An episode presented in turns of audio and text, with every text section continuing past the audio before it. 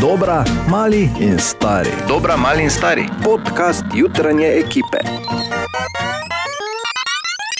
In želimo dobro jutro. Dobro jutro. A, torej, uh, varno je temperature danes tam zunaj uh, označiti za precej razgibane. ne? O, ja. Kot smo O, slišali, ja. ponekod 17-18, ponekod pa tudi po 8 stopinj manj danes zjutraj. ne? ja. In če bi kje. imeli mi tam 18-19, prosim. Ne vem, če je ravno zdravo, glede na to, da je danes 24. oktober, ampak ok, uh, pač je, kar je. Meni se zdi zelo zdravo. Mm. Za moje telo. Ja, za moje tudi, ker ne kurblamo dodatnega gretja na delovnem mestu ne, in se ne potim že ti zjutraj. Pridi k meni. Imamo, imamo skrite Oh. sorse, Ja. oziroma vire, Ne, ki jih samo- ti niti vidiš. Začne ta masno jesti, to je vse, kar lahko rečem. Bi pa samo rekel, da je zanimivo, uh, kot sem rekel, da lahko temperature danes zjutraj označimo za precej razgibane, kot bi lahko označili rezultate zadnje analize krvi, ko je bil Bor na zdravniškem. Ne? Jo, ja. Je pa danes že 24. oktober in to ni hec, dobro jutro najprej. Dobro Dobro jutro. jutro. Dobro jutro. Pozdravljeni. To pomeni 7 dni do 31. Uh, kako se veselimo Trubarjevega dne. Ne? Ja. Žalostno V zadnjem je, času, ja, zadnjem času pač se to eh, bolj um, pozna kot noč čarovnic oziroma Halloween. Mnogi se torej veselijo številnih zabav, seveda tradicionalno najbolj nore zabave za noč čarovnic na dvorcu Rakičan. In, najbolj, in najboljši koncerti, tako da tja se gre, ko je noč čarovnic, je ena od teh stvari, pa tudi ne. Vemo, ne, prek Murju so čarovnice. Ne. Ki so čarovnice? Pa čarovniki v Prekmurju, pa po Murju nasploh ja. ne. Tam se zadržujejo. Boš uh, si sam kaj naredil? Ne, vredno je, to je, to je bila pohvala. A, po eni strani, po drugi Pohvalil te strani. je, da ti je rekel, da si čarovnica. Ja. Po drugi strani pa seveda se ob spominu besedi čarovnice v bistvu uh, eni spomnijo recimo Bor na to, ko sta s prijateljem Torkmenado uh, torej preganjala zbrane pod uh, knjižnim delom Maleus Maleficarum, Ker niso priznali, kaj mislim, pač so rabili pomoč. rable bolj ne, tako je bilo takrat. Mislim, zdaj, zdaj si tudi seksističen, ne se. Nisem, ampak večinoma ste ženske kurli, kot vem, Bor, ne, kar Ja, vse ampak narobe. slučaj. Žal. Slučaj. Ja. Okay. Pač temne plati, ni, ni, veš, ni vse samo lepo, tudi pri čarovnici, žal ne. Ampak mnogi se bodo tudi gor naredili. In Katja, če bi moral, ker vem, da ti to spremljaš, če bi morala izpostaviti dve eh, na- najbolj in opravi za to noč čarovnic, ki prihaja. O, glej ga zlomka, na prvem mestu je čarovnica. Daj nehaj! Presenetljivo. Resno, to je tako, da bi rekel na tuju, ko je kurentovanje, kaj je maska številka ena, kurent. Wow. Wow. Ja, glej. No, glavne, na prvem mestu je čarovnica, na drugem pa še vedno ostaja Spider-Man. Spa. Kaj? Spider, Ja, Bor, tvoja maska. Ja. Bor je večkrat se v Spider-Mana obleče, pa gre. Akle, če si tako gor, ne? reče iz drugega. Ne? Tako je, če si, če si doma nadstropje više kot vsi ostali. Horoskop za ta teden je. Referentka za astrološka vprašanja v naši jutranji ekipi, Katja, izvoli. danes gremo od spodaj na vzgor, ker pač Kaj? Ja, v Prvi redu. bom enkrat. enkrat boš prvi. Ja. To. Torej, Enkrat, In, se in je rekel, z je, zadnji bodo prvi. In zgodilo se je. Ja. Ja, ribi. Vam... Rekel je tudi, bodi Ne? zdrav, pa Okej. se ni prijelo, tako te vim. Ne? ja vem, da je to težko zgodbo. Izvoli, Katja. Ribi, vam se je v preteklosti nabralo vse preveč stvari. Čas bo, da naredite čistko. Čeprav se vam bo na začetku morda zdelo precej kaotično, ne odnehajte. To je metaforično, ne? da ne tu zdaj starim yard sale, kot rečemo američani, Ne, pa vse je miksere metaforično, prodajam. v horoskopu se menimo. Eh, hvala, Katja. Vodnar. Čas za ustvarjanje strategij je zdaj. Razmislite, kako bi najlažje prišli do zastavljenih ciljev in pričnite aktivno delati na tem. Ta teden prinaša tudi vam ogromno energetske podpore, samo odločiti se morate, v katero smer bi raje šli. Kozorog. Pri vas bo ta teden čas za sklepanje novih poznanstev, ki vam lahko v prihodnosti še kako olajšajo življenje. Delovanje torkovega sončnega mrka boste čutili še kar nekaj mesecev, zato dobro izkoristite njegovo energijo. Mesecev, Ana, Mesecev. mesecev. Mesec, Kako energična bom. Strelec. Bog nam pomaga. Ja, res je. Strelec. Preteklost je preteklost in ne gre spremeniti. Lahko ste samo boljši v prihodnosti in to je tudi najbolj pomembno spoznanje tega tedna. Končno si boste dovolili živeti v sedanjem trenutku. Veliko pozitivnih energij vas čaka tudi na delovnem mestu. Škorpion, mlaj in mrk v vašem znamenju vam prinašata gumb za osvežitev na vseh področjih vašega življenja. Ta teden je pomembno samo, da najdete energijo in da se poslušate. Kaj so zares tiste stvari, ki jih je potrebno nujno popraviti? Tehnica, sodelavci oziroma sodelavke bodo preveč kurile. Ja, gledaj, kako me je zadev horoskop, to drži. Tu v eno, jaz bom stekel enkrat. Eh, no, ne te pretiravaj. bomo vlili nazaj. Ja, Stekel, te pa se bo. Jaz to, vse to, jaz teko bom. Šalo na stran, tehnice čaka ta teden finančna preobrazba, ampak si boste morali pri tem dobro razjasniti, kaj sploh si želite in kakšne so vaše sanje. Ja, preobrazba na vzdolj bo, že Počakaj, čutim. ker bo še hujše. Tehnice z otroki čaka težje, odno, težje obdobje v odnosih z njimi. To piše. Tudi- Točno to piše. to ni ne, to možno. so zvezde rekle. To ni več novo. Ne? Ja, ja. Ne, ne, to ni možno, že sem spopoln. Ja. Okay. Okay. Pardon, pardon, devica, pazite na svoje zdravje, nujno potrebujete počitek in nekaj zdrave prehrane. Če se boste poslušali, vam konec tedna prinaša kar nekaj sprememb, zaradi katerih boste v prihodnosti zagotovo dihali veliko lažje. Teden, eh, oziroma lev, lev. Teden ali lev, glej ga, glej ga No, tedna, pa če me kako se pase. Motite, pa Poglej, kak je teden, veliki, kako se pase. Torej, lev, teden bo Na črevesju. energijo. Okay. Teden bo nabit z energijo in če boste znali prisluhniti, vas čaka kar nekaj novih začetkov. Pazite samo na trenje v službi, imejte vedno pripravljen kakšen diplomatski odgovor. Rak, mogoče je tudi za vaš čas, da malo pozabite na vsakdanje težave. Planeti vam bodo namreč ta teden izjemno naklonjeni. Največ stresa vam povzroča samo kritika, ki pa ni vedno na mestu. Dvojčka, ta teden pazite predvsem na svoje zdravje. Čas je, da najprej poskrbite zase in za svoje potrebe. Dajte tokrat za spremembo prednost družini in prijateljem pred delom. Bik, tudi na bike bo imel torkov mlaj kar velik vpliv, pri bikih bo šlo predvsem za čiščenje odnosov, starih zamer in pa energij, ki jih več ne potrebujete. Morda lahko ostanete brez kakšnega starega prijatelja. In pa oven, mlaj v znamenju škorpiona bo ta teden poskrbel predvsem za vašo čutno stran. Popolnoma drugače boste znali pogledati na določene situacije. Ne bojte se tega, ampak sprejmite in uživajte v svojem novem zavedanju. Tako, zdaj veš. Še enkrat dobro jutro. Dobro jutro. Dobro jutro. Ja, in uh, ta vikend, natančneje v soboto, je bilo veselo v Rušah. Pa na drugi strani tudi eh, na drugi strani Drave, prav tako, ker 18 mesecev je trajalo in zdaj je Ruški most spet odprt. 131 metrov dolga lepota, ki je zdaj širša. Okay. Lepota za to, se bom razložil, zakaj. Ampak zdaj je širši, na eni strani pločnik za pesce, pa dvosmerna kolesarska pot, denimo. Ne? In uh, lepota 131 metrov dolga, ker je pot oziroma obvoz. Na drugi breg preko Činžata ali Koroškega mostu, ki je prej znašala približno 20 km v eno smer, skrajšala na samo 4 km.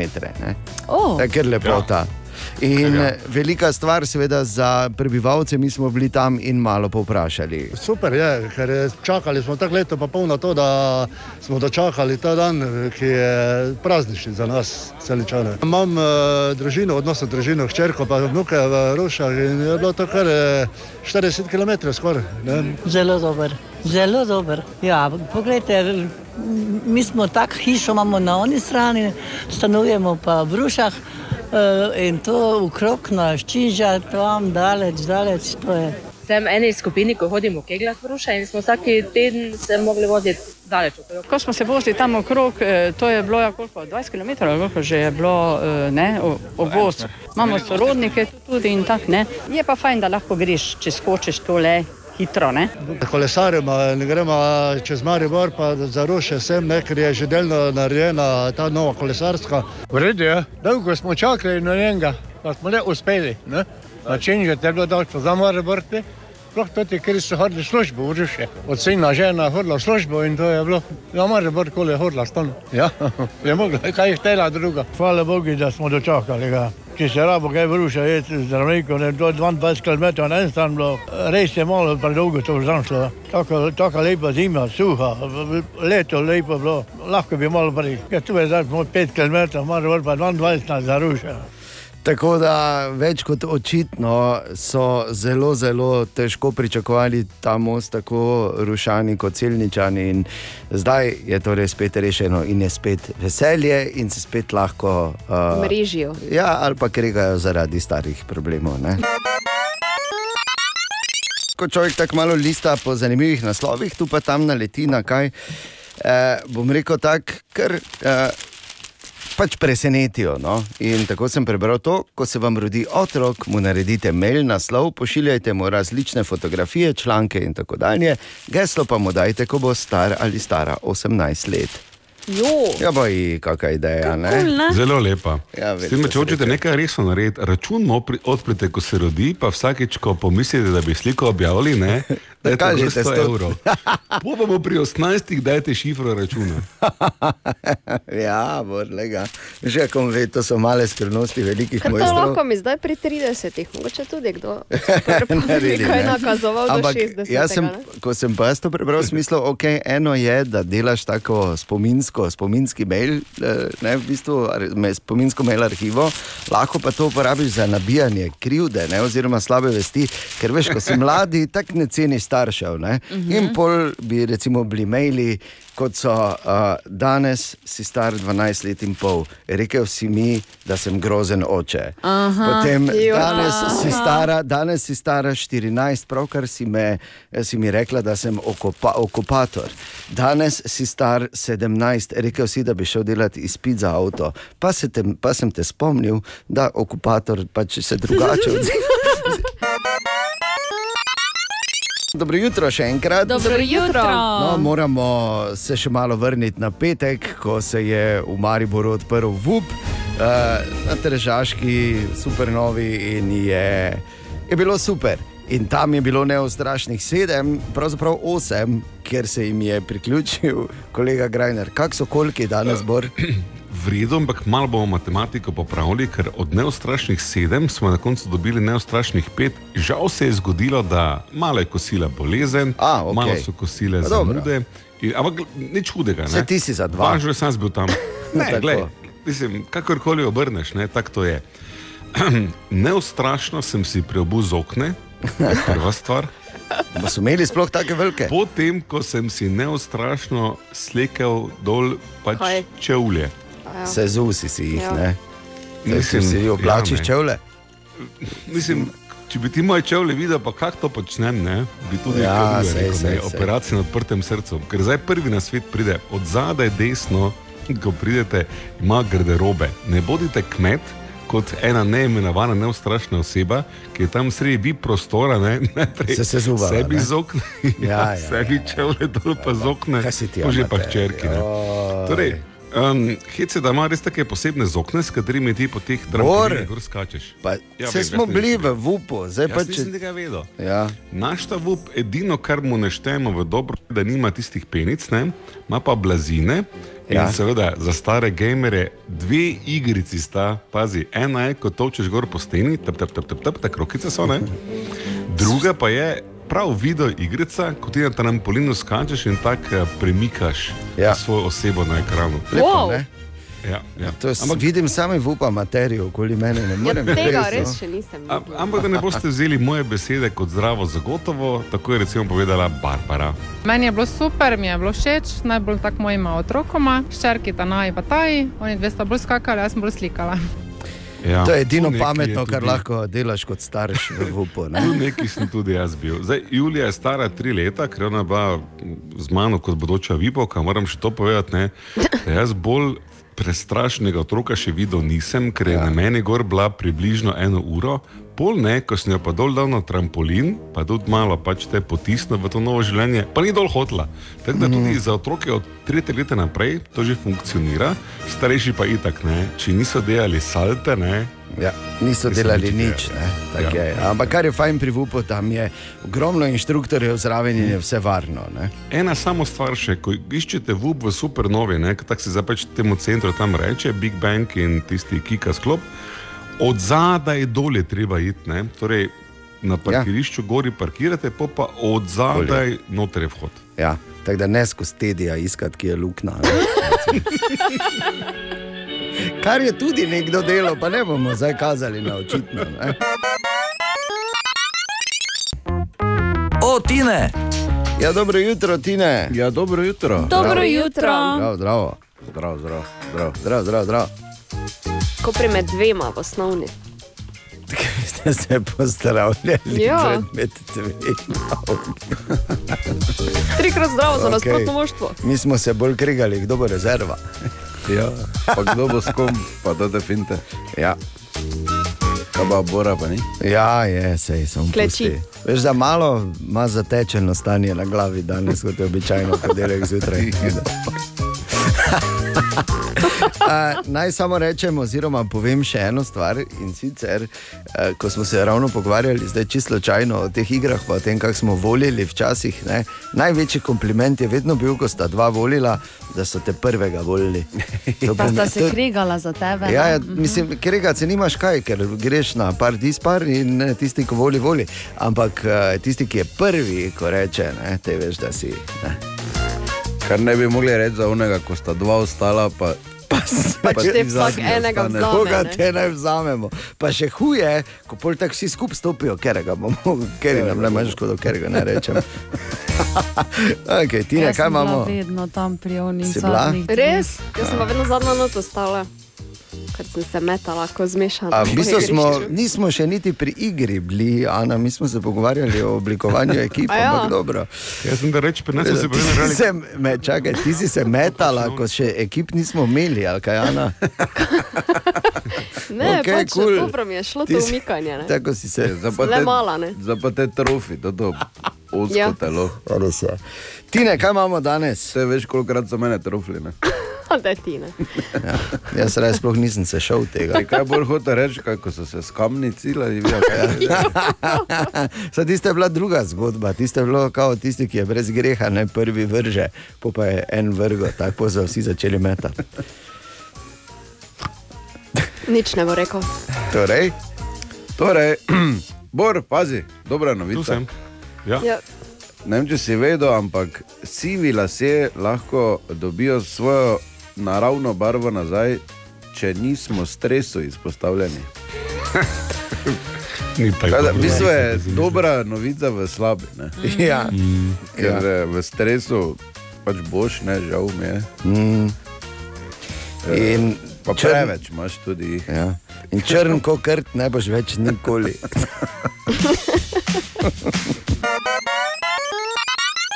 Ponedeljek 24. oktober je danes, jutri pa torek. In, Ua, kdo se je te zbudil v ta teden in ima oko za očitno bravo, da je. Mm, Ja, bravo. bravo, Dejan. Ampak eh, torek 25. oktober bo vseeno poseben dan, kajti tudi v Sloveniji bomo lahko opazovali delni sončev mrk, torej še enkrat bo prišla luna točno med sonce in zemljo. Kaj se bo torej dogajalo, kaj bomo videli, David?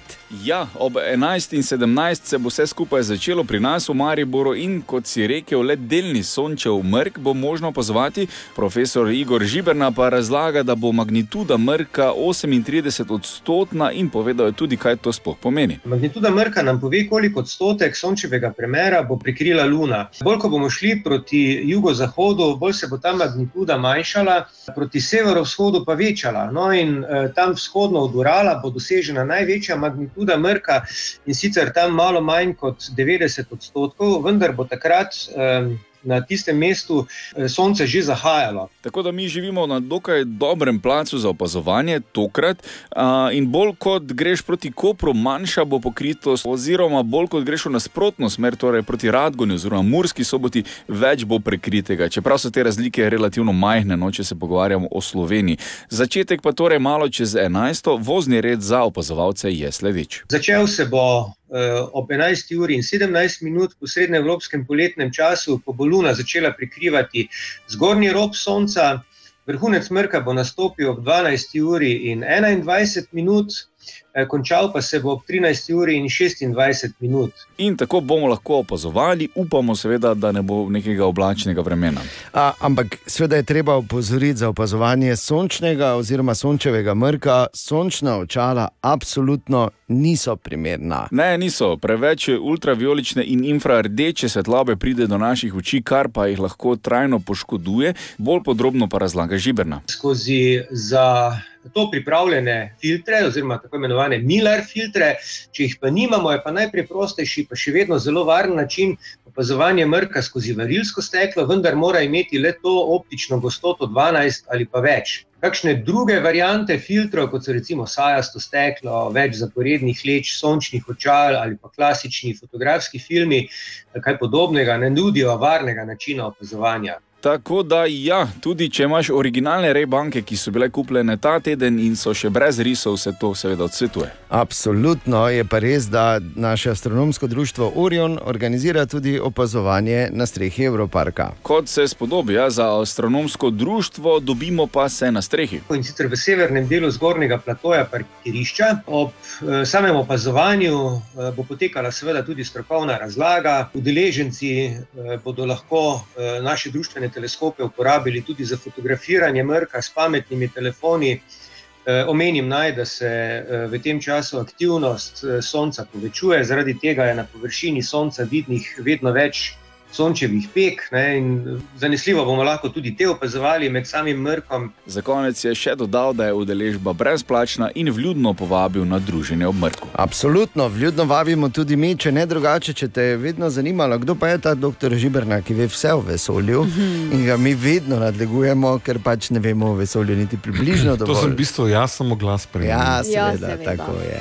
Uh, jutri po 11. uri na strehi Evroparka, torej tam bo naše astronomsko društvo Orion eh, organiziralo opazovanje sončevega mrka. Pa uh, lepo doživetje vsem želim jutri, čeprav mi je že na vse zgodaj zjutraj naša referentka za astrološko vprašanje povedala, da je na isti dan mrk in mlaj in da je po 200 letih v škorpionu in da bo Ja. vse, vse bo crknilo. ali kako je Ni, bilo? ni zdaj ravno, v bistvu je vse odvisno od nas. Lahko je ful vredno, lahko je pa ful slabo. Wow, kako iz- iz- Presenetljivo. Izberimo, full vredo. No, te pa dajmo. Z našo srečo pa vemo, kaj se bo zgodilo. Mhm. Tako, dobro jutro. Dobro, Dobro jutro. Ja, v petek v kafe pauzi pri Nataliju in Nataliju. Nataliju. Pri Nataliji in Tinetu. Natalijo. Sem videl, la la la. Okay, pri Nataliji in Tinetu, oziroma kafe pauza, rečemo, v bistvu pa vemo, da so to eh, intervjuji z našimi glasbenicami in glasbeniki, kjer eh, zveš take stvari, ki jih ne zveš nikjer drugje. Je bil Zoran Predin in eh, ja, kot se rekel, par zanimivih stvari smo recimo zvedeli, kot je ta. Mama me je naučila šivati, recimo s šivalnim strojem, sem si sam štepal kavbojke v gimnaziji. Takrat je veš, zdaj so z moderne, one strgajo. Ko je vse vtrgano, ja. ja Takrat pa jih je bilo treba pa treba poštepati. Ja. Ja, valjda. Kak izraz, kaki izraz. Poštepati. Ja, to sem si sam štepal, kavbojke včasih. Ne. Ja, to pomeni, da je, da je te, ne, bog ne daj. Jaz pa živalni stroj, ojoj. Sva, uh, ker bom rekel, tako si tuja. Aha, Ali pa okej. recimo to o veganih in vegetarijancih je razlagal Zoran. Evo ga, bufe je skuhan, zdaj to ta bo za punco. To ima za, ja, za punco, ona ima kokosovo mleko, veš, kaj to so to mo- moderne. mo- moderna. Ta izraz je bil zdaj nepreteljiv. Oj, oj, oj. Upam, da. Jaz se tega res bojim. Zdaj, moj najmlajši sin ima punco, ko je vegetarijanka, eh, moja štirka je pa, ima pa veganko. Zdaj, ko zdaj doma odprem hladilnik, ne vem točno, kaj je za jesti, kaj pa, za- kaj pa ni. Ja, klasični težav, klasične težave nekega očeta bi lahko rekli. No, ampak eh, Zoran bo z lačnimi Franci zaključil eno. Skoraj 50 let trajajočo, ali pa dobrih 40 let trajajočo zgodbo z lačnimi Franci na Štuku, ta četrtek. In glede na to, da gre za, kot je sam rekel, za mariborski bend in brand, se zdi, da eh, je to nekaj, kjer pač človek enostavno mora biti, če je s Franci odraščal. In eh, če pač malo, da se nazaj spomniš na Maribor v 80-ih in 90-ih, v vsakem primeru pa jaz tudi pozorno poslušal v prihodnjih dneh Radio City, če bi uh, rad imel kak par prostih kart, recimo tako. Samo pač povem. V prihodnjih dneh koncert pa je v četrtek zvečer na Štuku, še zadnjič, torej Lačni Franci. In z velikim veseljem rečem, da je spet nazaj naš priljubljen jutranji segment iz Borove špajze. Ja, in gled, zdaj, prva borova špajza, potem ko se ti zaključijo kampanjo, je o volitvah, ker volitve so vedno zanimive. Ja. In kaj smo se naučili iz zadnjih nedeljskih? Ja, v Mariboru in še posebej tudi na Ptuju nam je vseeno za predsednika ali predsednico kot druge. Samo pri nas eh, volilna udeležba je bila največ v Sloveniji 51 odstotna, samo v Mariboru in na Ptuju 46 odstotkov. Eh, Naučili smo se, da moramo sodelovati in prihodnost Slovenije bo svetla, tako je rekel Logar po včerajšnjih rezultatih, medtem ko Nataša Pirc Musar uči, zadržani v prvem krogu lahko volite 13. novembra. Hm. Kakorkoli obrnemo, Slovenija očitno je na pragu, da bomo eh, dobili prvo predsednico republike, kak, ja, volilna matematika, glede na njo je bolj verjetno, da bomo voljivci požrli knedl, da imamo žensko, kot pa kupili, da je nekdo iz SDS-a lahko strpen in povezovalen. Torej, pod črto, če je lahko ena iz televizije predsednica, zakaj ne bi en iz radia tudi enkrat bil? ja, na župan. Ja, bi pa samo mogoče res eh, svetoval obema, mogoče ne bi bilo slabo, če bi večkrat prišla v Maribor ali pa na Ptuj ali pa v Mursko soboto.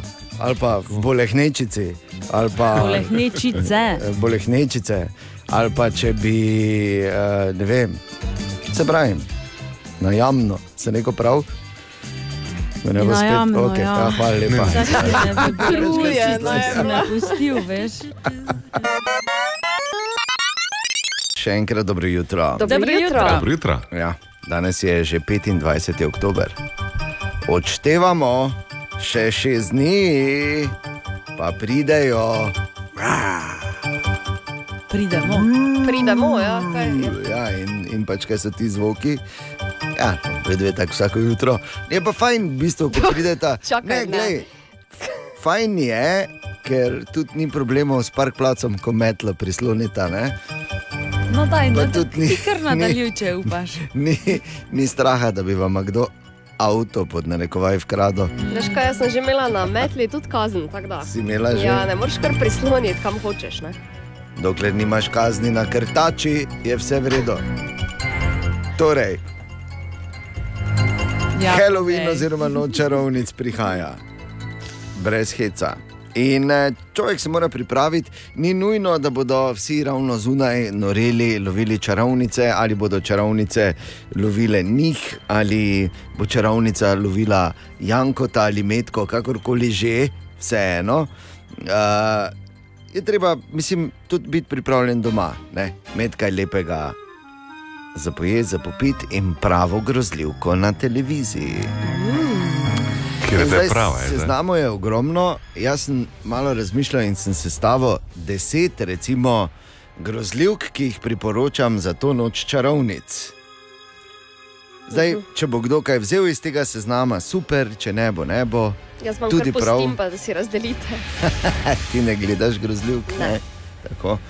A, torej, noč čarovnic v kateri koli izvedbi. Ena, dva, tri, že do te zadnje, ko je uh, Halloween Ends. Potem je recimo drugi na tem seznamu, ki ga priporočam, recimo za to noč čarovnic. En nov Marvelov film, ki niti ne traja več kot, mislim, da dobre tri četrt ure, in sicer je naslov Werewolf by Night. Posnet je v, v stilu tam grozljivk v- iz eh, 50-ih, 60-ih let in je črno-bel. Res? Ja, ampak je vmes dost akcije in mislim, priporočam. Skratka, Werewolf by Night je naslov.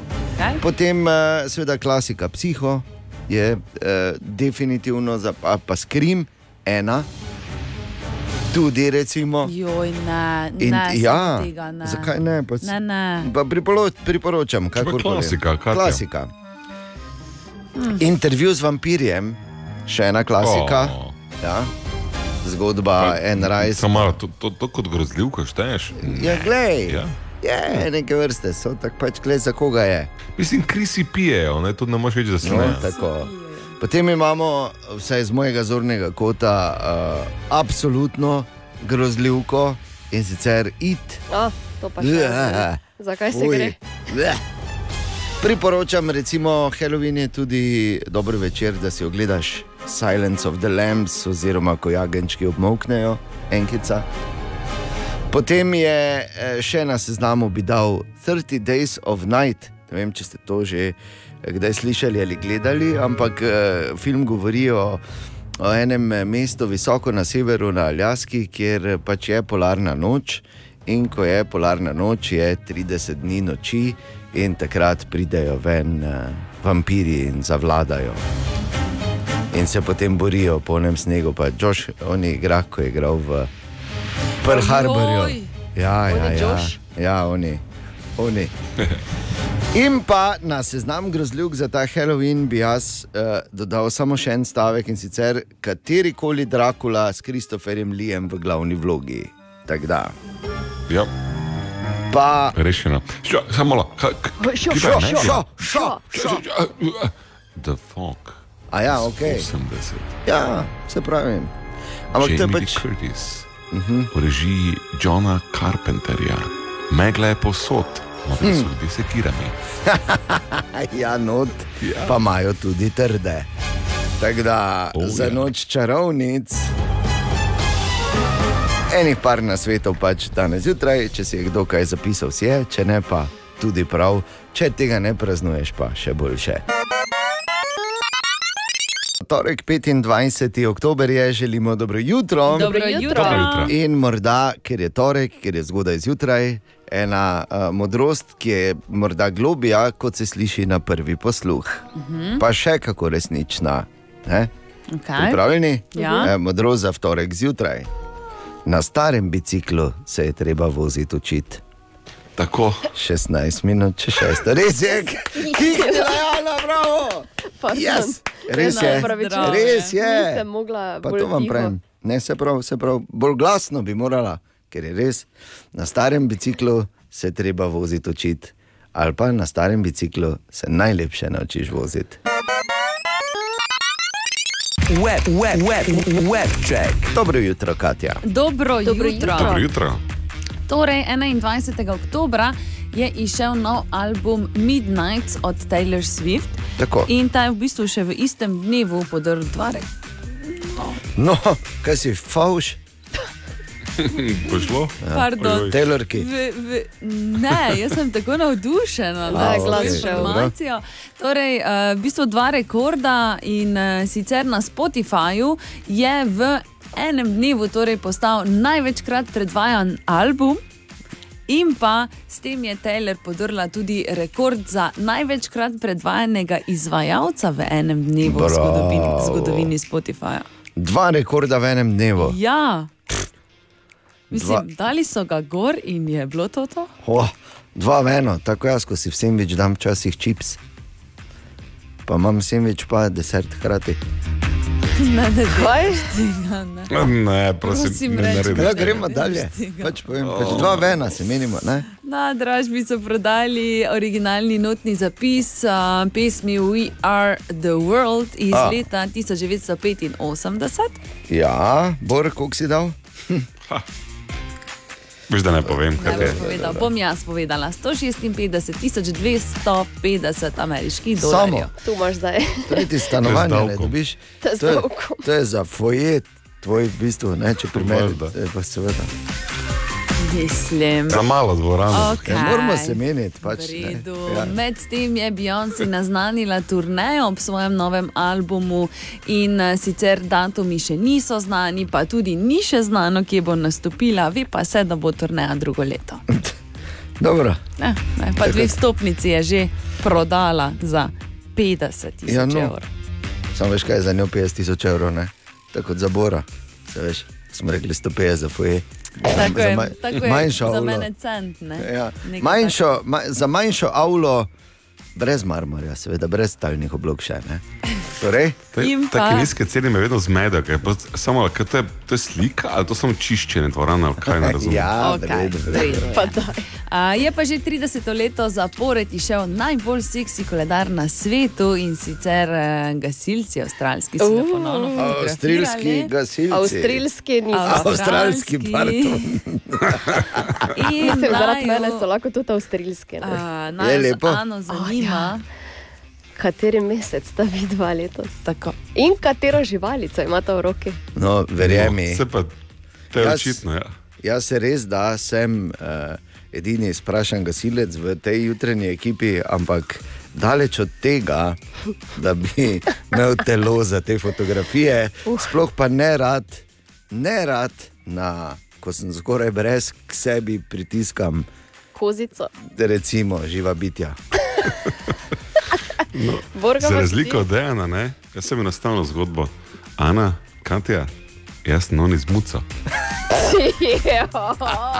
Kar ti mi že leta govorimo, da si ti ta zmuco med nami. Webček. Ena od treh, treh, treh. Jutranji sprehod po zgodovini popularne glasbe. Danes je 25. oktober in svoj 38. rojstni dan praznuje ena največjih pop zvezdnic zadnjega desetletja ali pa zadnjih 15 let, no bomo rekli Katy Perry. Katy Oh. Perry je stara 38. Rar. To je to, da? Ja, to je, to je točno ta. Tako. In ob tem, da je, "Rar", kot je rekel Bor, eh, je naredila tudi kaj drugega v muziki. Zdaj na zadnje je bila prva glasbenica, ki je dosegla 100 milijonov sledilcev na Twitterju, a, ki, je bil, ki je največ zaslužila med vsemi, recimo v letu 2015. Zdaj, to je dosežek, če imaš na drugi strani, ne vem, Beyoncé, J-Lo, pa tote. Pa to pa to In pa je edina pevka, ki ima pet skladb z istega albuma hkrati na vrhovih lestvic, eh, enako je uspel doseči le Michael Jackson. In pa seveda Beatles, pred njima Beatles so skupina, govorimo seveda o solo izvajalki. Katy Perry je izjemna glasbenica in uh, Ima izjemnega moža. ja, Orlando Bloom, ne, s katerim ima že koliko otrok. En. Enega ima sigurno. Ja, Za enega vem. vemo. Za ne. enega vemo. Vemo pa, da je on tudi vilinec, tako da je lahko to veš, leglo bilo bolj močno, kot se bistvu reče. je ona ga full harala, ne, ko je bila noseča s temi nosečniškimi fotografijami, resno? ko je v bistvu bila oblečena ne vem, v bundo, ampak je imela trebuščeka ven. Bravo. To je bilo za kako Trebuščeka je imela Trebuščeka. ven. nazaj in se je veli, na veliko govorilo. Pa o ni to bila Rihanna? Mm, tudi, ampak Katy Perry je bila pred njo, očitno. ne? Ja. Tako da, ker že nekaj časa nazaj. Katy Perry sicer njen prvi hit je bil I Kissed a Girl.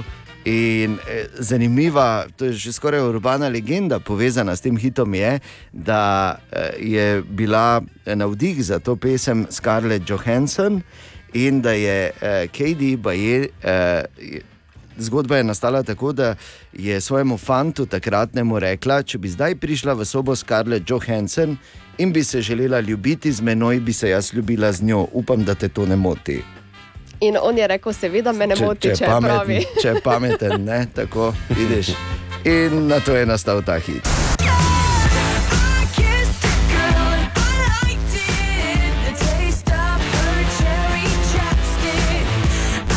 Ampak, če bi radi naredili en prerez, Katy Perry, je to skoraj da ne mogoče, ker kam se obrneš, vidiš hit, recimo levo je.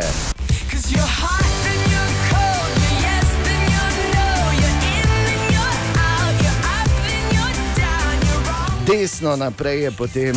eh,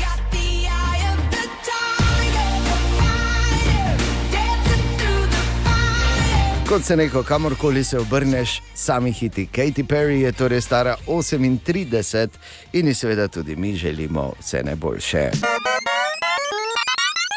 Želimo dobro jutro. Dobro jutro. Okay, zdaj, pa, zdaj pa resno. Ne? Že nekaj časa zaznavamo in to, se, to je ena od glavnih tem debate, se mi zdi, da to je jesen. Smrdljivci in te čudne Je, pika polonice. ne. Sploh, glej, na Tega načelu je- imam vsako jutro ali eno ali drugo. No, vidiš. Včasih je bila pika polonica, tako si veš, lepa, pa je srečo prenašala, pa, a, pa rdeča, pa črne pike, pa pika. poka. Veš kaj, jaz vzamem čisto vse pika polonice, če mi nekdo te da odnese. Ja. Ja. Menjavo naredimo. Ampak eh, tega je res veliko in zdaj vprašanja, ki so, zdaj zakaj smo že razlagali. Ampak kako dolgo še? In pa ali drugo leto spet, to sta dve bistveni vprašanji. Ampak najprej rešimo to s temi pikapolonicami, oziroma divjimi pikapolonicami, oziroma bolj točno, to je tako imenovana harlekinska polonica. David. In to je tujerodna invazivna vrsta, ki pa ni samo nadležna nam, a pač pa je tudi škodljiva na več načinov v svoji okolici. Pred mikrofon je za Radio City stopil dr. Tomi Trilar iz Prirodoslovnega muzeja Slovenije in povedal, da to pika polonico Evropski seznam tujerodnih in invazivnih vrst Daisy uvršča med 100 najhujših tujerodnih invazivnih vrst na svetu. Sicer izvira iz vzhodne Azije in centralne Sibirije, tja do Kazahstana, Uzbekistana, prek Rusije, tja do južne Himalaje. Prpeljali so jo pa v rastlinjake kot plenilca pršic in rastlinskih uši. Potem so pa pobegnile ven iz rastlinjakov. Problem pa je, da so izjemno požrešne, požrejo vse rastlinske uši tudi v naravi in tako da naše vrste polonic, ki jih je tam okrog 25 vrst, eh, nimajo kaj jesti in jih počasi spodrivajo. Ja, žalostno in tudi nikamor ne bodo šle, te divje polonice nimajo resnega sovražnika v naravi, tudi človeku se znajo braniti. Če jih pometamo ali pa poskušamo odstraniti, izloča eno smrdljivo tekočino. Ja, ne prenašajo sicer nobene bolezni, so pa nadležne. In če jo skušaš odstraniti s trupom, ubiješ seveda tudi vse ostale organizme, naslednje leto pa pridejo ti mali divjaki nazaj. Super, ne? Jaz sem si zelo premislila, vzamem vse nazaj. Vzameš, ne? Ja. Se mi je zdelo, da boš. A, kdaj se bo to umirilo? Uh, Doktor Trilar pravi, da v prvi zmrzali, se pravi, ko zunaj zagledamo slano, oziroma nič stopinj na termometru, vemo, da se je njihov sezonski ciklus zaključil. Imamo pa v Sloveniji še eno drugo nadlogo, sicer precej daleč od nas, v okolici postojne, pa vseeno. Tam beležijo porast jelenjih muh, kožuharic, ki so tako trde, da jih ne moremo zdrobiti. To tudi pomeni, da jih nič ne moti, če proti njim mahamo in jih želimo odgnati. In ko jih je res veliko okoli tebe, zna biti pač neprijetno. Je pa zanimivo, da muha ima kar dolga, zelo nežna krila in ko preleti na gostitelja, ima posebne cone, na katerih se ta krila odlomijo. To muho včasih tudi lahko zavede, če, recimo, če se pripeljemo z avtom v gost in preleti na topo pokrov od avtomobila, odvrže krila in potem ne more poiskati gostitelja in na ta način propade. Je pa letos na enih koncih Slovenije poročajo ljudje, da je zelo velik. Zakaj je tako masovno, ne znam odgovoriti, ampak tam med Rakekom in postojno jih res zelo veliko preletava na ljudi. Ja, nič, sočutje vsem tistim, ki greste zdaj kostanje nabirati v postojno ali okolico. Pa daj fuj. Oj, pa kaj si ti no? Pa požrli nas bodo. Ja, res nas bodo. Kaj se dogaja? Imajo že tak, so že trde, da jih niti ne moreš več spletsko. Čeprav si hecen. eh, eno stvar je pa treba povedati, ne, ker živimo v politično korektnih časih. Vsi, ki ste temu govorili še včeraj, pika polovnica. A, mm, Ja, polovnice to so. so polovnice. Tako je. Ker nima vse polovnice pike. Res je. Ampak da ta gama ti z vzhoda res vse požrla, pa se to ne moreš verjeti.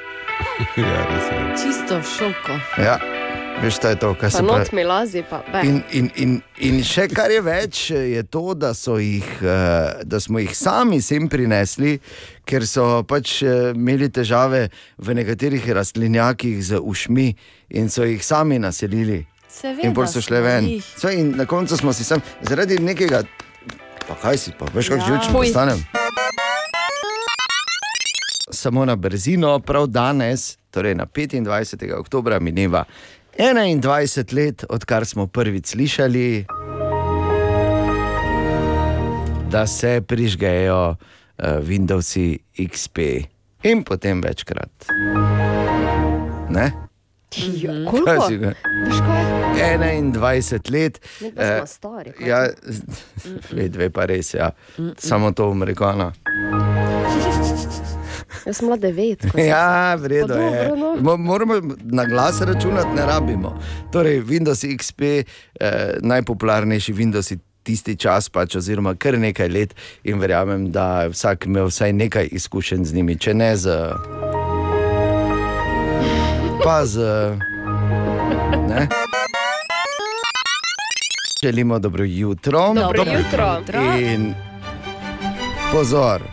Na CNN-u so poročali, da sem prebral, da obstaja ena nova študija, ki razlaga, da naj bi na težave s prekomerno težo žensk vplivalo tudi onesnaževanje zraka. Seveda. Absolutno. Ja. Mi dva ne gremo nikoli več v Šengzov.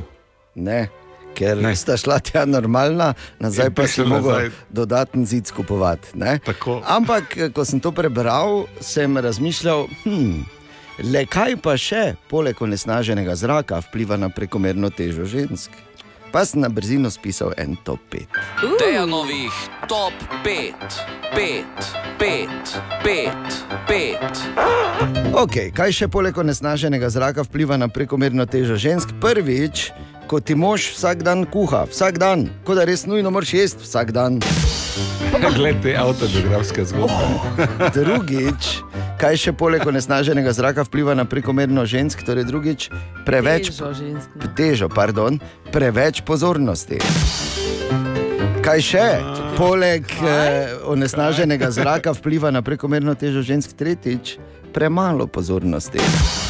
Kaj še poleg onesnaženega zraka vpliva na prekomerno težo žensk, četrtič, sodelavke. In pa, kaj še poleg onesnaženega zraka vpliva na prekomerno težo žensk, petič, tisti, ki pakirajo. Zakaj morajo v take velike posode pakirati sladoled, kekse in napolitanke? Ja. Vse velja tudi za moške. To se reko, zdaj pa, uh, zdaj pa se pa preselim leti. v kanalizacijo. Tako. O, Tine! Dobro jutro, Tine. Dobro jutro. Dobro Živijo. jutro. Živijo. Torej, eh, ne vem, če si slišal, ampak več kot očitno sva oba prišla danes preveč oblečena, ker je ena na radiju rekla, da bo danes do 30 stopinj celo. Ja, ne vem kam. Kjer je to Kam? Ja, Kam res. jaz z jaknico. Ja. Jaz na srečo imam tanko. Tanke jaknice imate? Ja, Je seveda. tanko. Jaz se Se, se nisem več. lahko slečeta, če bo Ti tako. si želela, ne, en ne bomo se. Pa se mogla malo bolj potruditi. Ja, za to. Samo z nekimi se, se lahko slečeta. take. Ali imamo prav, Bor? Mi dva? Ne. Mi dva s Tinetom, ta trenutek, ki se je vklopil v debato. Okay, vse bil sem Ne na boš me. Katja, prečkrat nasedel. Prečkrat sem nasedel, lahko bi se slekel. Osel gre samo 356 tisoč krat na leto. Ja, res je. Rekla mi je, sliči se pa snagi tam sedel, mislila pa je samo jaknica. Ne? Učiteljica slovenščine, zdaj se to pogovarjam. Kaj lahko? Dobro jutro na Radio City, najbolj seksistični šov, kjer se še vedno moški slačijo. Okay, mogoče je slogan, je to ne? preveč. Slogan, ja. prvo, ne, drugo pa. Jaz bi, jaz bi je, samo nekaj, da se premaknemo, ker tu ne vodi nikamor. Res je. Jaz bi Zakaj, zdaj- če je pa tako vedno vredno, ko prosto debatiramo? Jaz se bom zato pa nekaj se povedal. vzame? Zato pa se nekaj povedal, ker sem bil v avtu, ko ste se vi prepirali, kdo je najboljši rodni štok igralec. Naj jaz vsem ostalim ne vam povem, da uh, sem jaz to mogel vse skupaj posnet, pa vse to skupaj narediti, tako da to šele, to uh, bero skupaj spraviti. Pa, Pa dati v neko pa- obliko smiselno. Pa dati v neko smiselno obliko, ne? mislim. Ampak z mano si imel najmanj problemov, ne? Seveda ne z mano. se, ne spomnim se. Vidiš? Vem, da je Bor. Bor je imel briljantno vlogo, hvala ti. In zelo hitro je bil fertik. Ne? Ne. No, pa za potrebe zgodbe rečemo ja. Ja, ne morem se lagati. Kdo bi te verjel, da bi rekel, da je Bor je bil takoj fertik? Od nas redko kdo. Ja. Če se vrnemo k prejšnji temi, tako govorijo. Ne? Oh. da si bil hitro fertik. Ja. Zelo slabo dalje. E, Gremo se reči malo japonščine. Ja, Ja, dajmo, raje, dajmo. Ja, ja. in sicer, koj no jokan. To si voda? Kaj no jokan? Ne to, kaj ne jokan po prleško? Kaj no jokan? Koj no Kaj, jokan. prleki so Japonci? Kaj no jokan? Ja, prleki so japonci. Kaj no jokan? Mi smo, ja, Kaj nega vina? Kaj no jokan? jočen. Je, Jočen, če že, dobro, pa ja. dobro, no, vredo, za potrebe zgodbe, Katja. Drugače pa eh, v japonščini to pomeni eh, tisti občutek, ki ga dobiš, ko srečaš osebo in veš, da se bo ta oba zaljubila drug v drugega. Torej, ljubezen na prvi pogled. Ja, recimo, da. No. Kako se reče? Kako ne Ed- jokan. Kaj no joka? Kaj no jokan? Kaj no jokan? Samo on je bolj strogo, ker Japonci bolj. Kaj no jokan? In malo Tako, in eh, smo časi za naslednji hit, hvala lepa, Katja se je strgala z verige. Priletela je kot šinkan sens na postajo.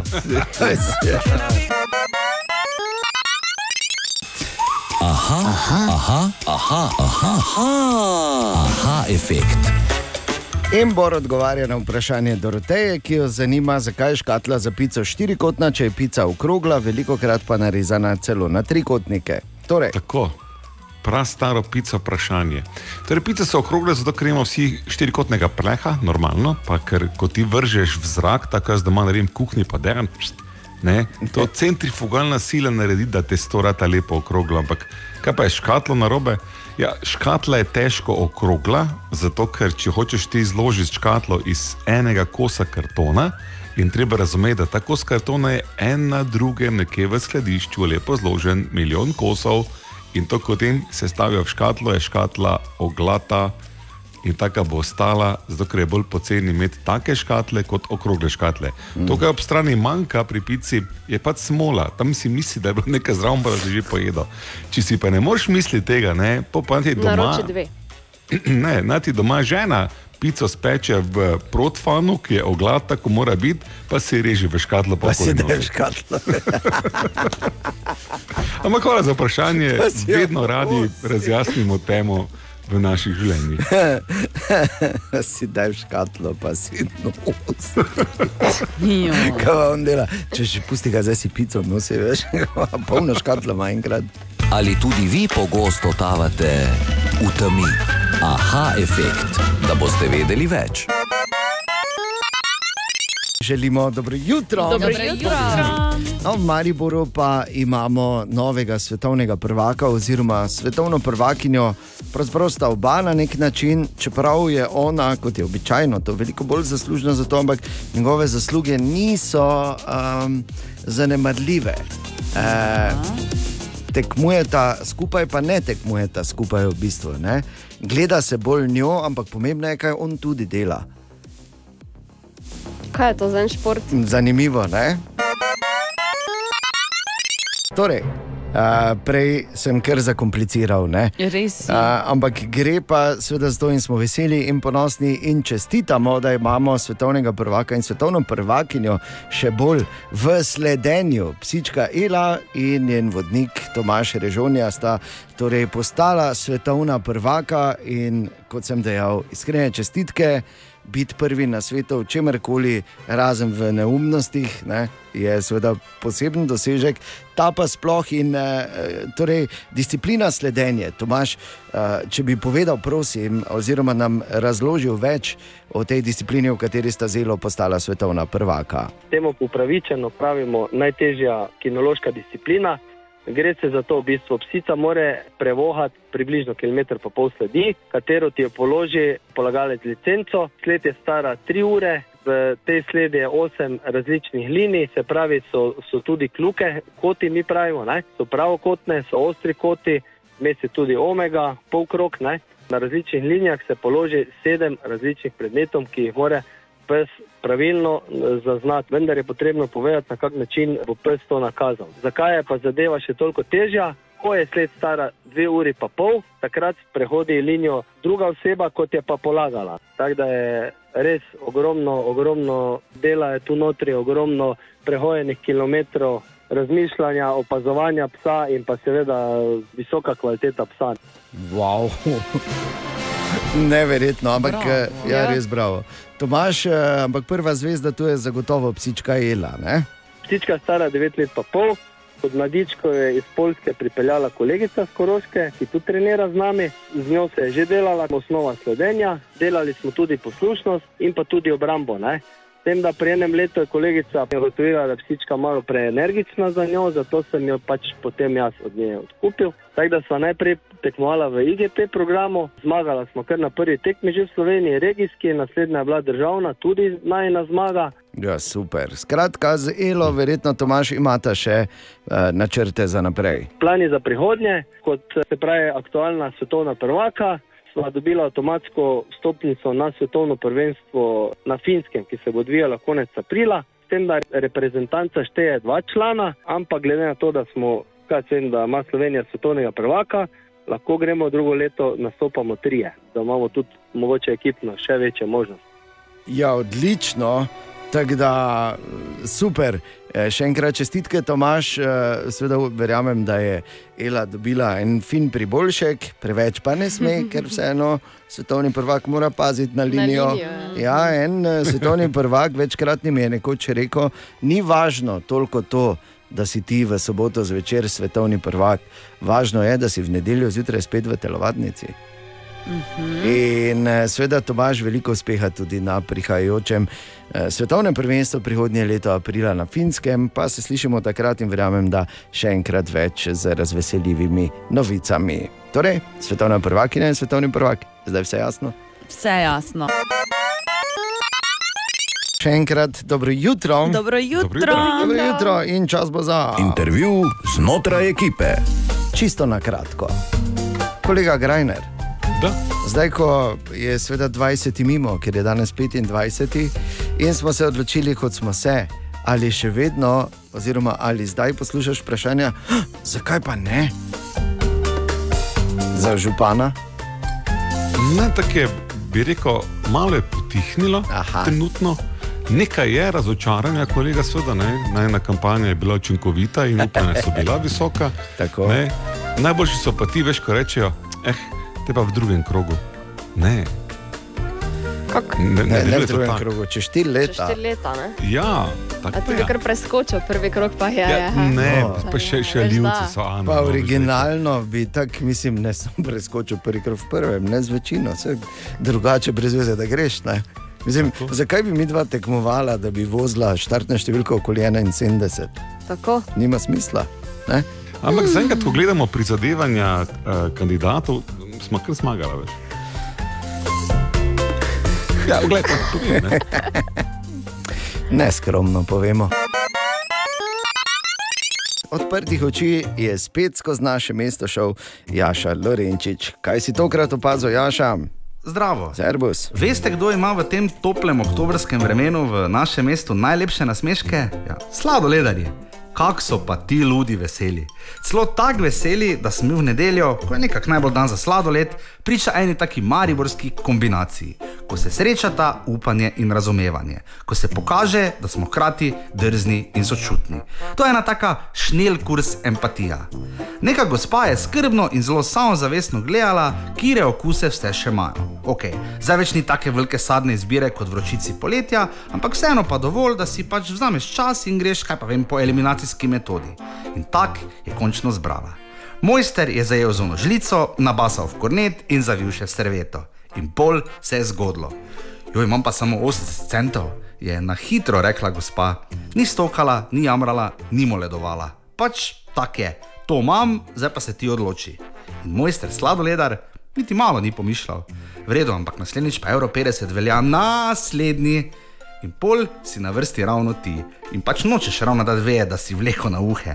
Zato vljudno, navdušeno, predvsem pa štorasto rečeš, da se je pa s takim lepim vremenom sezona kar podaljšala, ne? To je ja dobro za biznis. Pa reče sladoledar, ja, ja, ja, samo veš, najemnina pa stroški, to laufa celo leto. Nauk zgodbe, v našem mestu je najbolj bistvena izvedba. Če ne ovlaš, spomniš nekoga na najemnino in stroške. Če pa obvladaš, imaš na kepico skoraj 50-odstotni popust. Ja, samo Maribor. Tako, vse je v izvedbi. In tu je naš priljubljen jutranji segment izbora, veš pa je zdaj, bor. Dobro jutro. Oh. Smo v veselem obdobju predvorilnega pričakovanja. To je nekaj podobnega kot Božič, samo da najprej je Božiček, ampak novi župan. Mislim, In prinese- Včasih v, prvem, včasih v drugem krogu in prinese. Darove, ampak ne za vse, bolj za sebe. ja, tako nekaj smo navajeni.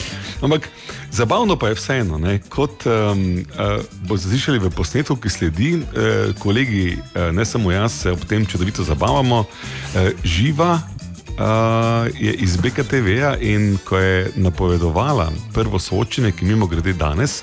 Ob 20. na BKTV in Facebooku je tako opisala posamezne kandidate.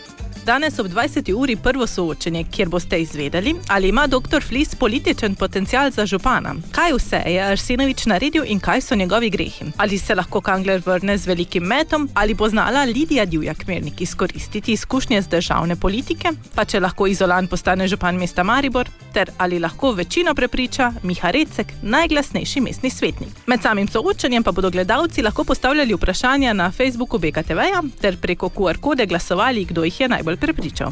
Mm. Vem, mnogo retoričnih vprašanj, dejan seveda ima en odgovor za vsa vprašanja. Ja, ki imajo QR kodo, vsak gor.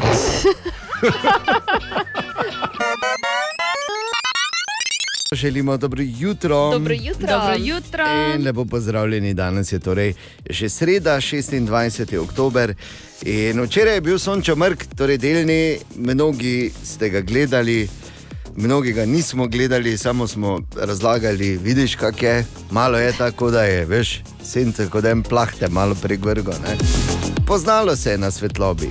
Ampak ena druga stvar, uh, naslednji sončni mrk bo pri nas šele leta 2081 in ne bi zdaj kazal na očitno.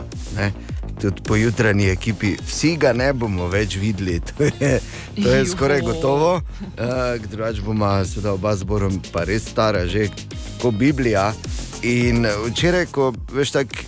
Ko je bil se dogajal ta sončo mrk, sem razmišljal ravno o tem podatku in o ostalih podatkih, in si zraven mislil: Ježova mati, Boga je Boga, Ježova mati, koliko je morala, revca prestati, morala je morala, ježa roditi, ki jo je tak svinsko, piko poriti. Jap. Še enkrat dobro jutro. Dobro jutro. Dobro jutro. Uh, zdaj, za do stvari ne moramo reči za nas, ki delamo tu zjutraj ne, na Radio City, ampak če pa kaj lahko rečemo, pa je, da se trudimo.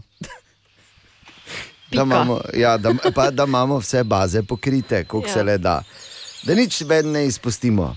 Tako. In tako, recimo, danes zjutraj odkljukamo še eno stvar, ker lahko se zgodi, sploh ko vaju, uh, Katja in Ana, tako pogledam, da bi lepega dne rekli nič, veš, uh, ne bom več to delala, jaz bom pa ptiče slikala po novem. Recimo, Pa ja, kar se, kul. se lahko zgodi. Eh, lahko, lahko se se. zgodi, da čez noč postanete zagriženi ornitologini, lahko se pa zgodi, da tudi medtem, ko ljubiteljsko opazuješ ptiče, ali pa čisto slučajno si v neki situaciji, v smislu, "O, pa bi kako lepo fotko naredil, pa vse ne. Ampak se morda niti ne zavedaš, kako zelo, ker si pač amater ne, in pač nimaš pojma, da lahko v bistvu tem eh, krasnim živalcem tudi škoduješ. Tako da, če te kadarkoli prime, potem moraš enih par stvari vedeti.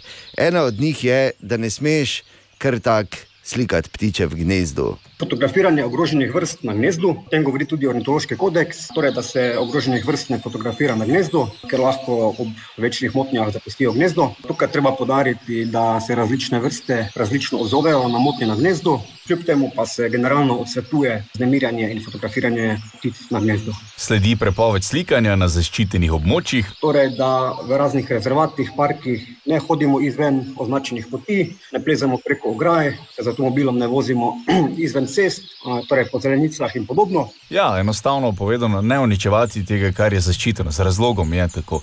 Naslednje načelo je, torej, da se z javnostjo ne deli, oziroma z širšo javnostjo, da se ne deli eh, lokacije ogroženih gnezd, torej lokacije gnezd zadržimo zase in jih ne objavljamo javno. In pa še zadnja, torej, da pri fotografiji generalno uporabljamo opremo z dovolj veliko gorično razdaljo, torej da imamo objektiv, ki dovolj približa, da ptic ne vznemirjamo, da jih lahko slikamo iz razdalje. Prav tako pa omejimo uporabo bliskavice, sploh pri nočno aktivnih vrstah, ki so še posebej občutljive na bliskavico, to so recimo sove. Za konec je ploj še dan na svet, ki se vsaj meni zdi zelo dober. Bolje kot loviti ptice okoli, se je zamaskirati in enostavno čakati na njih. Tako ptica sploh ne ve, da si blizu in se vede naravno. Fotografija pa potem izpade točno tako, torej naravno, kar bi moral biti tudi cilj. Ne vem, kdo hoče doma imeti sliko prestrašene živali, kakorkoli dodatne informacije so na ptice.si ali na dopps.si. Ploj je tudi omenil, da se za dodatno vprašanje lahko obrnete na njih preko objavljenega maila na njihovi spletni strani. Tako, hvala lepa, David in ornitolog Alen Ploj. Zdaj veš, če te prime, da bi pač vse skupaj pustil, pa šel ptiče slikati, na do stvari je treba paziti. Tako. 12 minut če šesto. Je, ni, ni tako preprosto. Seveda. Teda, kot sem rekel, še ena točka odkljukana. Torej, ko človek malo lista po zanimivih naslovih, marsikaj najde in verjemite, v prihodnih dneh bo, bo še več tega, glede na to, da se počasi zagreva tudi eh, predvolilna županska kampanja, ampak tokrat eh, o nečem čist tretjem. In sicer prebral sem naslov, ki pravi takole: Pri 94 umrl moški, ki se ni umil več kot 50 let. Tako da, ja, veljal je za najbolj umazanega moškega na svetu, en iranec. Ampak, ko sem to prebral, pazi 94, 50 let se ni umival. Tako je. Ne bom rekel, da imajo otroci prav, ko jih moraš siliti, da se umivajo, pa da si roke umijejo. Samo glede na to informacijo, ne bom rekel niti, da imajo fejs na robe. Ne, to smer, prosim. Želimo dobro jutro. Dobro jutro. Dobro jutro. Torej, danes je že 26. oktober in bolj kot gre leto k koncu, bolj se pojavljajo prve ali pa razno razne lestvice z nami. Ono, ne, najbolj v letu 22, to v letu 22, tisto v letu 22. Najboljša izjava leta 22, recimo, ne, to se že zbira in piše, čeprav se zdi, da je ta boj vnaprej izgubljen. Za vse, ki pač. Podobljen, kak za koga, ne? Ja, za vse, ki delajo te lestvice, ne, oni so že vnaprej izgubili, ker vemo, izjava leta je samo ena in obstaja najbolj prestižna nagrada za izjavo leta, podeljena vedno in vsako leto na Radio City. V zadnjem tednu, v decembru, v zadnjem tednu leta 2022, bo tudi letos. Imenuje se. Bor leta, najspektakularnejša izjava zmaga. Bor leta, eno leto, en tekmovalec, ena nagrada. Bor leta. Tako. Bor leta, in glede na to, da eh, tudi mi vstopamo v sklepno fazo tega našega prestižnega tekmovanja, je morda čas, da preverimo nekaj vmesnih rezultatov. Uh, ne na zadnje, sta samo še dva meseca ostala in pol bo šla ta nagrada.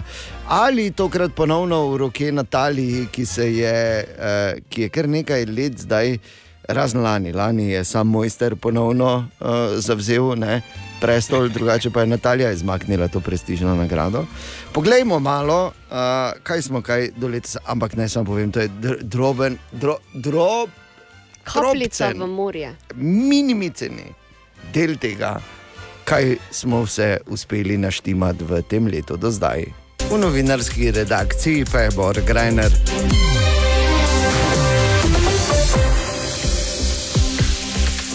Dobro ime.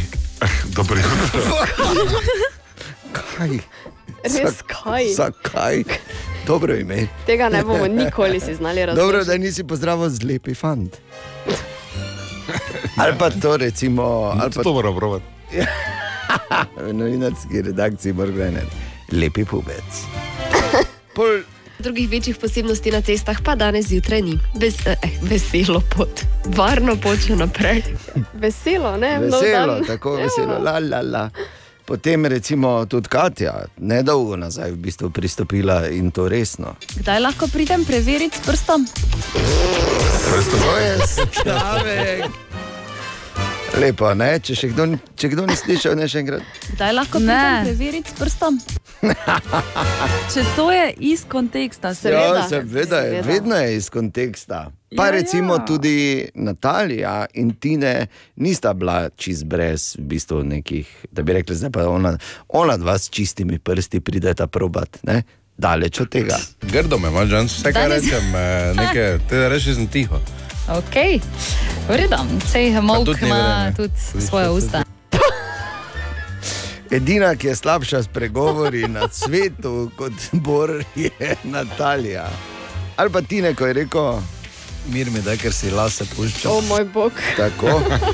ja, to je Imamo pa, ja, res je, imamo pa, in to moram reči zdaj, imamo pa kar nekaj tu enih silivcev, ki tja ne sodijo in so v bistvu pač neki posnetki, ki Kaj? bi morali biti, mislim, ker nima nobene veze, to je čist drugo, ne? kot je recimo ta posnetek. V ljudskem ver, vrtu, vrtu, se upravičujem. Zdaj, vsako napako bomo ribali. No, se spomnim, tu kar dolgo nisi k sebi Vsako. prišel, pol tudi ne. Vsako napako bomo zaribali, mislim, to pa res brez veze. To je pravzaprav, kot je rekel Leopold I. Kinder špil v primerjavi s tem, kar Ja, smo ja, slišali. ja, ja. Bor leta, torej tudi letos eh, najprestižnejša radijska nagrada, podeljena bo v zadnjem tednu v decembru. Dobro jutro. Dobro jutro. Dobro jutro. Katja, Ana, Bor in Dejan, želimo dobro jutro. Dobro jutro. Dobro jutro. Ja, dobrodošli tudi na to sredo, eh, 26. Bi pa samo rekel to, da je, upam, da ste dobro poslušali Katjino vremensko napoved in da ste si zapomnili vse, ker če, se, če si niste, slučajno se vam lahko zgodi kot enemu neimenovanemu zatirancu. Uh, okupiranemu območju v studiu ena radio City, v bistvu, da mu je kar naredila neki račun na nekem družbenem omrežju in ga zdaj v eno nadleguje. In samo zato, ker je enkrat rekel, kaj si rekla. Tako da prosim, poslušajte, ker vam lahko iz špajze vun skoči. Hvala lepa, sedmo. Ne, pretiravanje. Dobro jutro, Dobro jutro. zdravo. Sredo uh, se danes. Sredo. Sredo se danes.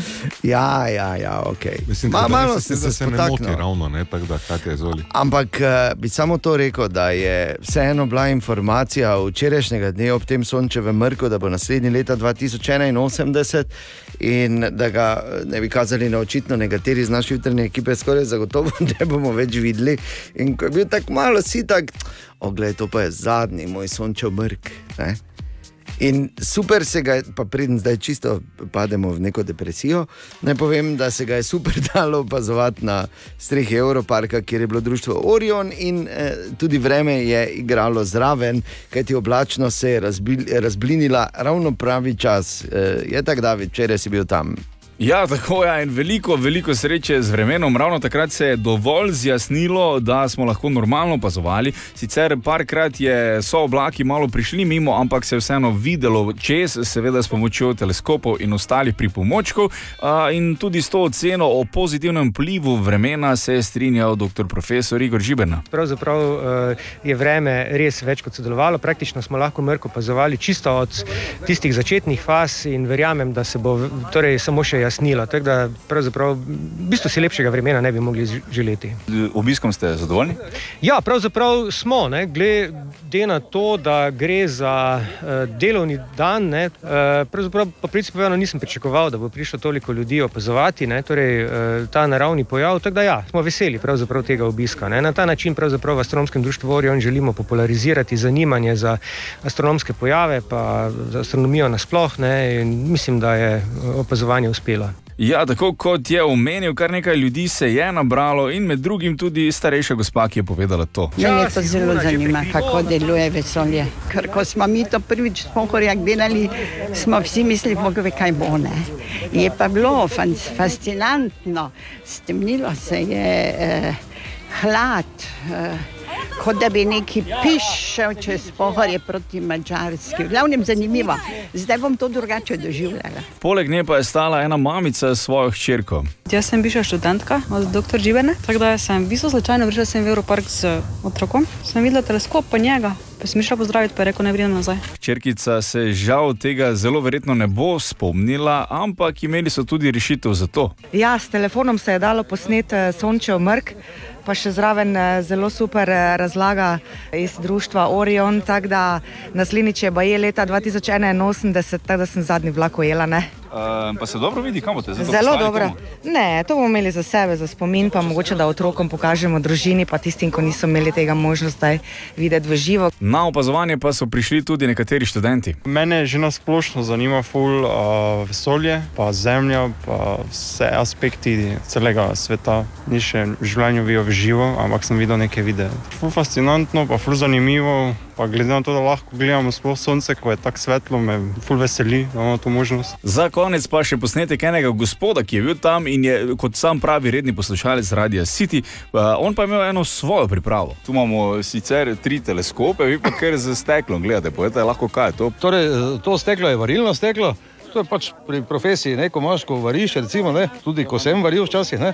Samo sem pač okvir stran vzel, ne, tisto zaščito. Ne. In uh, skozi njega se odlično vidi. Uh, Tako, ta nebesni pojav je za nami. Če pa te zanimajo, ti toplo priporočam, da spremljaš ali pa se včlaniš v astronomsko društvo Orion. Absolutno najtopleje priporočamo sami vrhunski strokovnjaki eh, pod vodstvom dr. Žibrne. Eh, bi pa samo rekel, tudi ta zadnji, ne, eh, pravzaprav lahko rečem, mojster, ki ve, da mora biti varilno steklo, oziroma švas glas, če hočeš gledati ti sončo mrk. Uh, tako da, bor, zdaj, če nisi včeraj izkoristil, ker švaso verjetno ne boš, ne pokloni dalje. Okay. Kdo rabi? Od nas tu več doben. Ne, ziger ne. Želimo dobro jutro. Dobro Dobro jutro. In se je začelo, kot sem rekel, zdaj bo zelo zanimivo uh, opazovati in brati naslove, kaj ti začela, oziroma razplamtevati se je začela uh, bitka za, uh, za novega župana tudi v našem mestu. In tako se da danes že prebrati naslov, ki je v bistvu izjava enega od kandidatov: Vrnimo Mariboru 400 milijonov.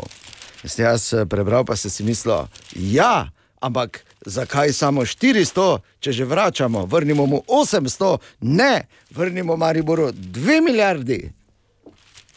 Imam prav? Dobro jutro. Dobro jutro. Včeraj sem v mojih uh, raziskovanjih. ja. Da, ja, Nemški zapisi sej. raziskovanja, ja, da je tako, tako, vidina. tako. Včeraj sem v mojih raziskovanjih. Uh, se ti to kdaj zgodi, ko kaj bereš? pa Tak, uh, ali se Raziskuješ? izobra, ja, raziskuješ, se izobražuješ, pa naletiš na informacijo, pa si rečeš, oh, hvala Bogu, da je šla tehnologija naprej. Um, ja. Včasih je tako, včasih si rečeš, definitivno, ker definitivno to velja za naslednje, kar sem prebral.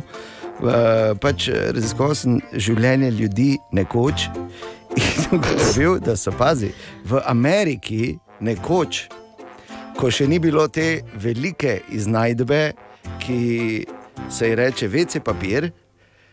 Ja. Uporabljali posušene storže, pa od koruze. Ne. Ja, je tako tak veselo, pa, fr, pa so nazaj obesili. Ne, Se pravim. to je bilo permanentno nastavljeno. Ja, no, nekaj permanentno, verjetno ne, ampak nekaj cajta. Tako Da, hvala Bogu, da je šla tehnologija dalje. Sem vam rekel, da bo to ta efekt. O, Tine! Dobro jutro, Tine. Dobro jutro. O, Dobro jutro, Tine. Tine. Ja, zdravo, zdravo. Torej, tudi s tabo je na. Ne, ampak to je normalno, nekak, da smo med prijatelji. da Ja, je Olaf, pazi. Joe in Tine, to so recimo moji današnji. Ne? Junaki, ne? Olaf, Junaki Joe te srede. Vse kot trije protagonisti filma, ki ga ne želim gledati. Brat je Marks, jaz sem oni, ko je normalen. To so bili vsi. Ja, res je. No, če bi bil tako nor, kot en od bratov Marks, Ne takoj bi bilo nič narobe, ne? Ne bi bilo nič je. narobe. Torej, opažanja, gremo. kakšna opažanja Ja. danes morda ti ne? To Ja. pač vedno prvo vprašamo, ker ti si le. Opažanja. Uh -huh. Ja, ni nekaj. Za opaziti. to, to je to opažanje. Ja, ni nekaj. Včeraj sem probal mrk pogledati. Jaz tudi. Na Brez pa- očal. E, enako. Še zdaj imam pego. Ja, enako. Okay. Kar resno? Koliko sta Ja, vidva stara? Res, Ja, očitno premalo. Še dobro. Ja, niti sončnimi očali. Ne. Da smo včeraj imeli Niti prispevek o očali. Ne. Ja, pa sam sem 700 krat rekel, Ja, ja, pa- gledajte, no, pa pa sem grem vseeno pogledat in če se kaj vidi. Jaz, ker ne vem, kaj sem, kaj sem butel mislil, ne, da bo kaj tema, ko bom gor pogledal. da Bo, ne, in- Se pa vidi, da je recimo v naši družini vseeno Sandy bolj iznajdljiv kot jaz. Ne? Ja. Ker on pa tudi nima očal, pa je hotel pogledati. Pa si je dal maj, majico prek. Ne, on pa je nastavil buteljko pred soncem. Ker buteljka lomi Ja, svetlobo. pa, ker je ne. bolj temno, ne pa to pa rekel, se se vidi. Lepo. Vem za naslednjič, 281, bom šel z buteljko. gledat. Te boš rabo, ja. Torej, Tine, kaj imamo danes? Torej, Za 40 evrov imenuj vse brate Marks. Ne, ne nis, nismo tam. gravče, ja. Pa Bepo. pa Karl. Ne? Ni lepo, če bi zepo. A zepo, pardon, pač ne vem. Se te ne bi reče. Ja, prosti, ker sem premlad, da bi poznal brate Marks za razliko od tebe. Šjor Bepo je bilo vino, šjor Bepo je vino, doli, tako veseli Martin. Ja, vem, ja. vse je za to. Sem me očitno zelo. Ja, ti veš, Bor, kaj so? Ja, ker je pogubno rekli, že. Gravčo, Čiko, Zepo in še ni bil. In še en. je. Fredo, ne? Tako pa zgooglam, čakaj. In še en. to je že Harpo. Harpo. To je oni, ko je bil, eh, ko je bil Nem. Pa, Ja, ali kaj. ja, Fredo je bil pri Botru. ne. Ok, predalec smo šli, kam imaš do danes, Tine? Če pogotnete, Si poslušaj, Ana. Ne velja. To ne velja. to je to. Okay. Ne, ne, čakaj. Ne, še dobro. Ne, če pogotnete, veš, od Lego figurice glavo, Oj, oj. ne, Ja. Ja. traja v povprečju 1,7 dni, da Da pač jo tudi Da pač odpogotneš. odpogotneš. Tako pač samo bolj Aha. ne, če boš. eh, Vprašanje, ki, ki ga imam samo, ne, in gremo hitro dalje, potem je, ali cela pride ven. Ne, pa ubo. A, ok, no to Pa nos, če imaš srečo. In tu je vprašanje za Hajfek za danes, Katja. Matica zanima, kaj je Wi-Fi 6. Wi-Fi 6. Ja. Okay, pravi, pravi naslov za to vprašanje bo seveda, eh, če kaj obvlada te stvari. Bi pa preden eh, gremo dalje, vseeno, Tine, zdravo, dobro jutro še enkrat. Dobro jutro. Tine, ti si uh, par minut nazaj povedal, da se je tvoj brat super znašel včeraj in je sončo mrko opazoval z buteljko, ker ni imel švas stekla, glih švas stekla sta pri sebi. In je eno vprašanje prišlo. Zdravo, Igor na tej strani. Eno hitro vprašanje za Tinetovega brata Sandija. Kaj je bila buteljka polna ali prazna? Zdaj, tak, jaz zraven nisem bil. Ampak tisti, ki poznate Tinetovega brata, ne? Koliko ga poznam, je začel s polno. Ja. Pa vprašanje, kako se je zaključilo. Zaključilo se pa pač malo drugače. Malo drugače. Pa mimo grede, samo bi rekel, kdo te hodi z švas teklom okoli dan, ker nisi ga imel glih pri roki. Ne, pač se zato pa sem gledal brez njega, ker nisem imel Ker pri roki. nisi imel pri roki Pa to je švas to. stekla, Moram začeti nositi. Nikoli ne veš. Aha, aha, aha, aha, aha, aha, aha efekt. Torej, Bor danes odgovarja na vprašanje Matica, ki sprašuje, kaj je Wi-Fi 6. Bor. Dragi Matic, Wi-Fi 6 je že neki stari standard, ki ga je že prehitel Wi-Fi 7, sicer še ni na trgu, ampak torej, gremo počasi. Ne. Doma imamo brežično omrežje, imamo. Da. Ja. Ja. Kdo od vas ve, po katerem standardu vaš domači router deluje? 4281 Wi-Fi GG. 5 mogoče. Ja. Ne, dejan, eh, Wi-Fi ni povezan s hišno številko, ampak hvala za poskus. A, ni. To je pa brez veze. Če se 19. ozremo recimo na zadnjih par let eh, tega brežičnega prenosa podatkov, stari rek velja, da če lahko po kablu, pusti žico pri miru.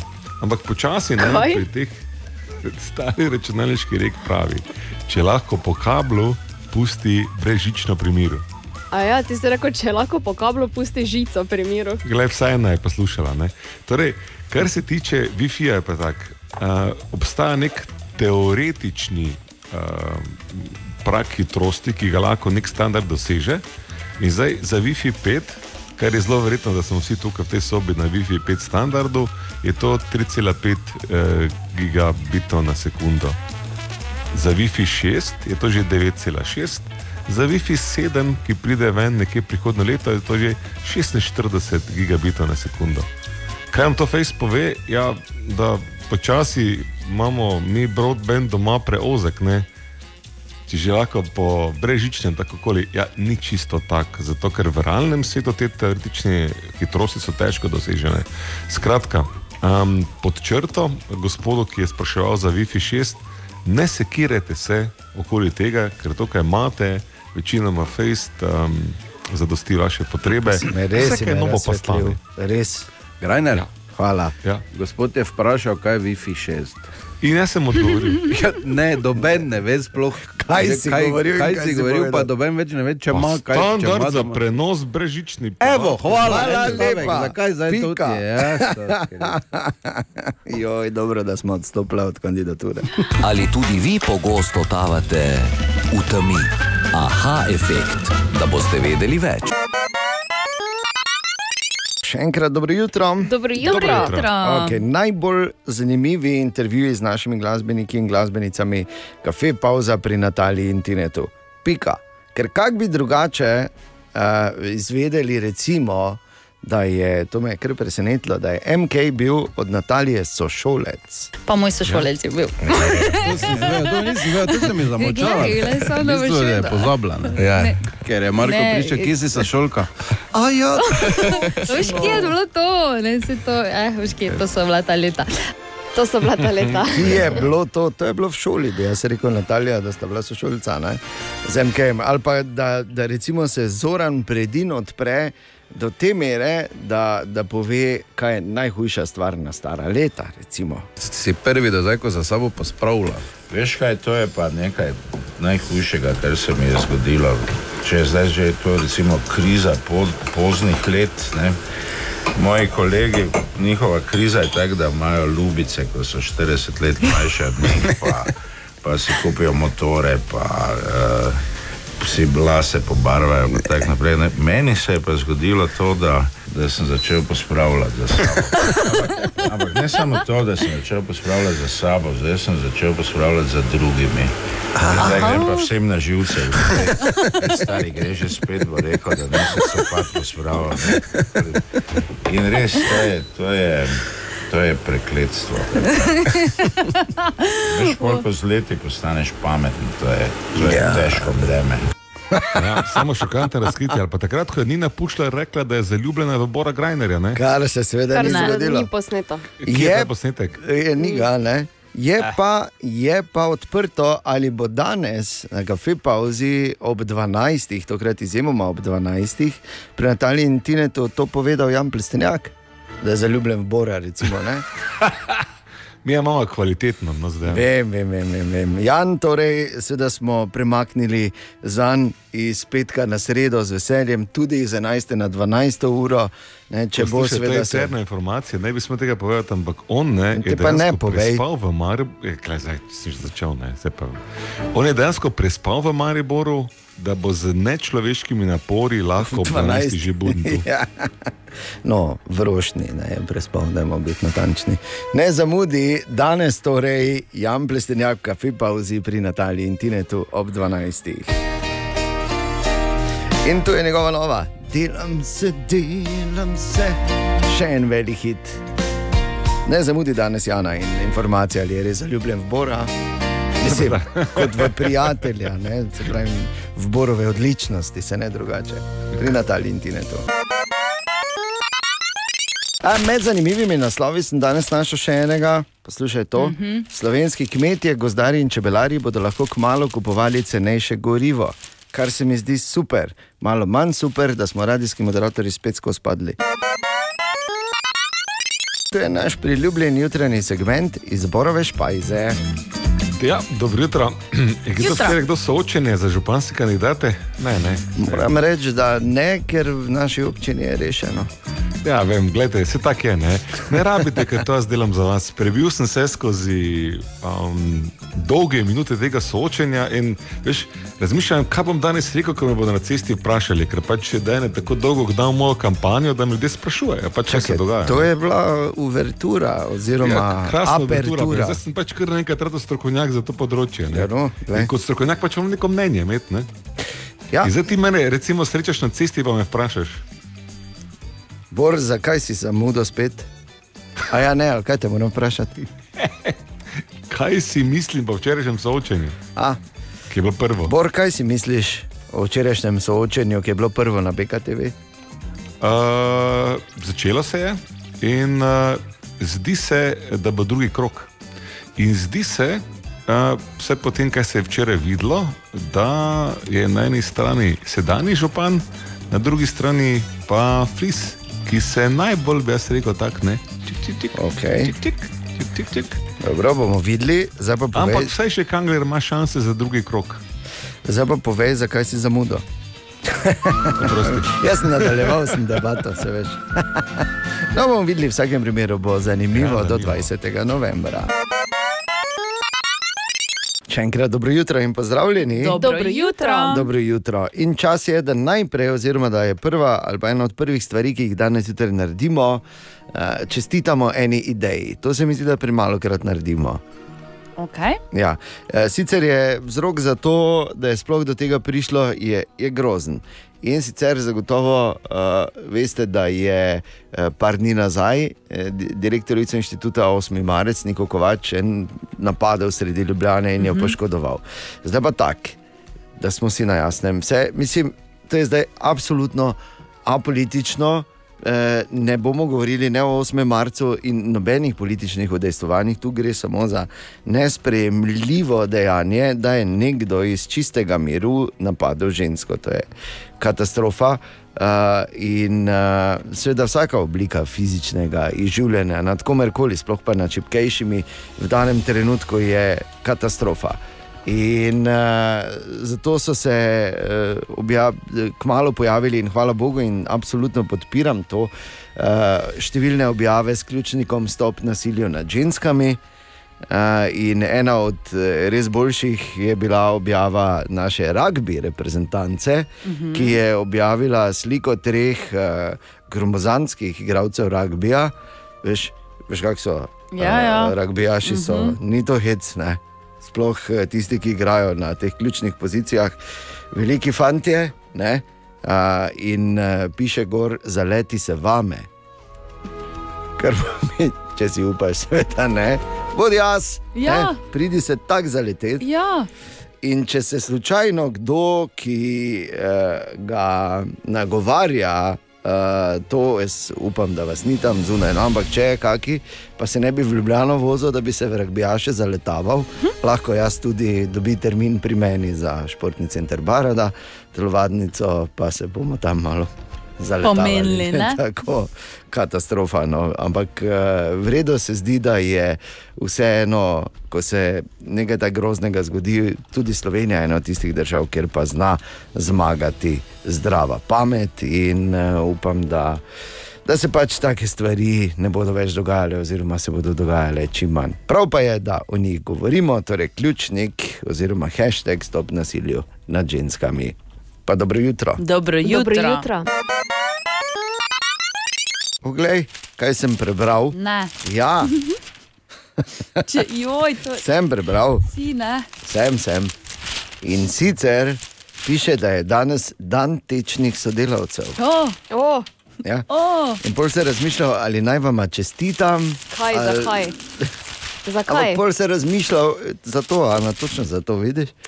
Ampak. Uh, Eh, sama sebe sem zdaj. Bijamo, sem odskočila, pa sem se Z pokrila. Ja. Bi pa rekel, da pač to je samo enkrat na leto, ne? in zdaj recimo ni se upadlo, verjetno, ker to je približno isti čas v mesecu, je, ko se V bistvu je čestita. enkrat na mesec. Ja, ne enkrat na leto, Enkrat je na leto. Ne, dan ta, tečnih A ja. sodelavcev. Ne, mi dve smo tečne. Ja, to pa ja, mi to praznujemo 12krat na leto, najmanj. Ja. Ne? Plus, Plus, zdaj imaš srečo, pa ni tako. tako, čas. plus pri Boru. Ne? Tisto Pri Boru je pa zelo nepredvidljivo. Ne? da. Web, web, web, web check. Ja, dobro jutro, Katja. Dobro jutro. Dobro Servus. Po šestih letih bo Rijana izdala novo pesem. Po šestih letih. Ja, eno, se vmes je otroka dobila, pa prej se je pripravljala na to, da bo dobila otroka. Pokazala. se je Bolje ona- delala na tem, čakaj, veš, ki smo še pred trebuh, trebuščkom. Da je morala, ne? Odprla je svojo firmo vmes. Pa tudi, ne. no, ampak ona je morala delati, ne, se je bila pridna. Bila Ni bilo pridna, zdaj, da ja. nič ni delala. Ampak šest vseeno, ali šest let no, smo čakali, Ja. vendar pa to ne bo kakršna koli pesem, pač pa bo pesem za nov film Black Panther 2 Wakanda Forever. Ja, Wakanda Forever, ki pride tudi v Maribox in zdaj že lahko napovem. 10. novembra bomo imeli tudi City Kino premiero, oh. to je zelo kmalo, pravzaprav čez dva tedna, če smo natančni. Ja. City Kino premiera in Wakanda Forever oziroma Črni Panter 2 je lahko film, ki ga doživiš seveda samo, samo z nami. Na, na VIP način, tudi to, tudi takrat, 10. novembra, poslušaj pravočasno, pri meni hitri kviz, pa vse to, vse veš.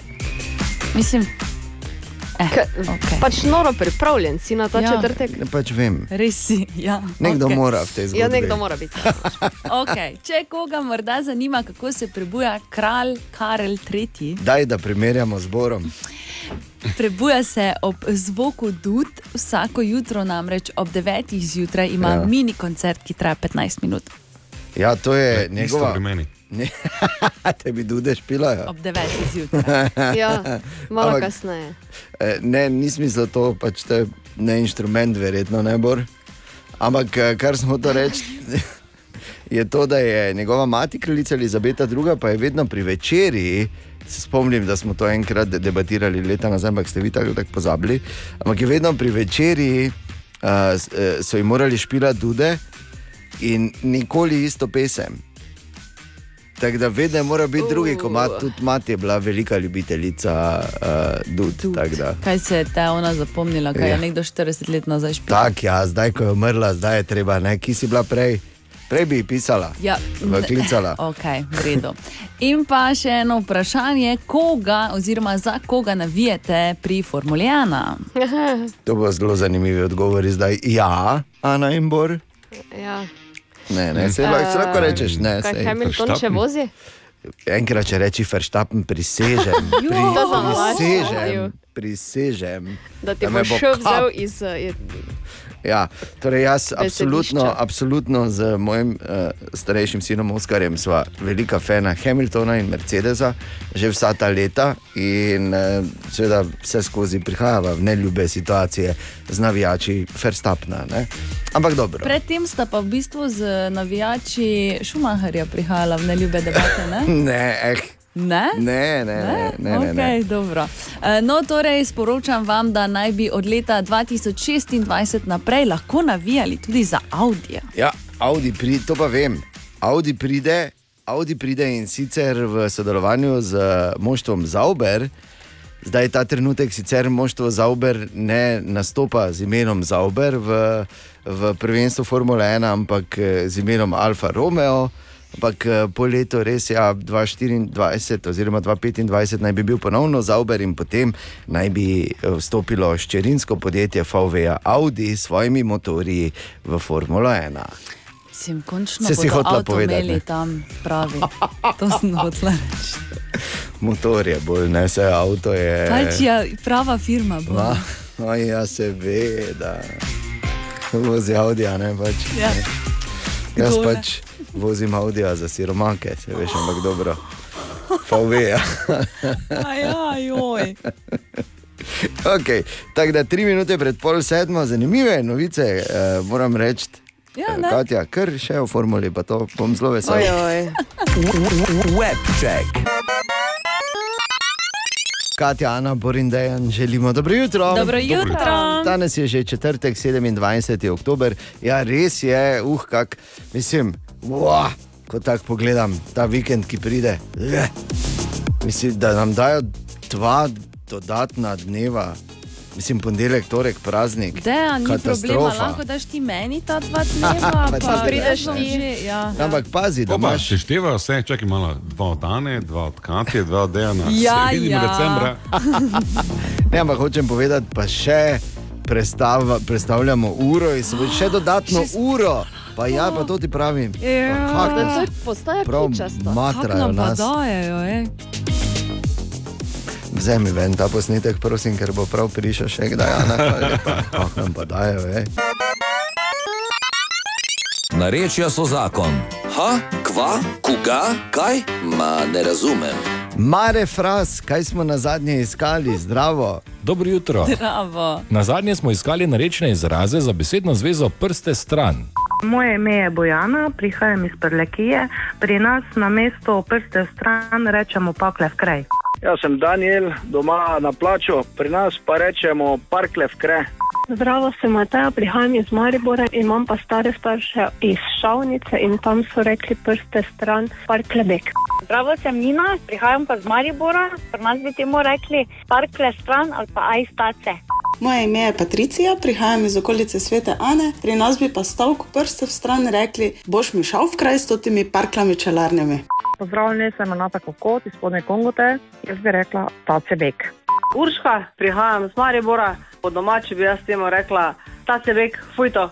V tem tednu pa iščemo narečne izraze za ta frazem. Okoli riti v žep. Kaj pravite vi trije? Veršuš, vertek in verigač. Ok, čakaj samo malo, mare, gremo po vrsti. Ja. Najprej prste v stran je, bi rekli, tudi preprosto, lahko bož. Pol pa imamo okoli riti v žep, kak ste rekli na tezno temu, Ana. Okoli riti v žep, Tak ste rekli. seveda. Ni bilo oko, gu, ok, ne bom šel. Kak? Oko, guzi, ne pač. Ne, ni oko, guzi, pa tiste, eh, glej. Okay. Ampak, če greš čez tezno, nikoli ne greš Re- okoli riti v žep. O, bravo. Oho, Ko- te jutranje resnice. Ja, res je. Dobro jutro, tezno. Ker, ker si v bistvu, pa spet ne bom razvijal. Kaj si? Kaj, mislim, sem. Ne moreš okoli hoditi, če si not. Torej, uh, Katja, Ni konca. Dejansko nimam, jaz tu okoli riti v žep.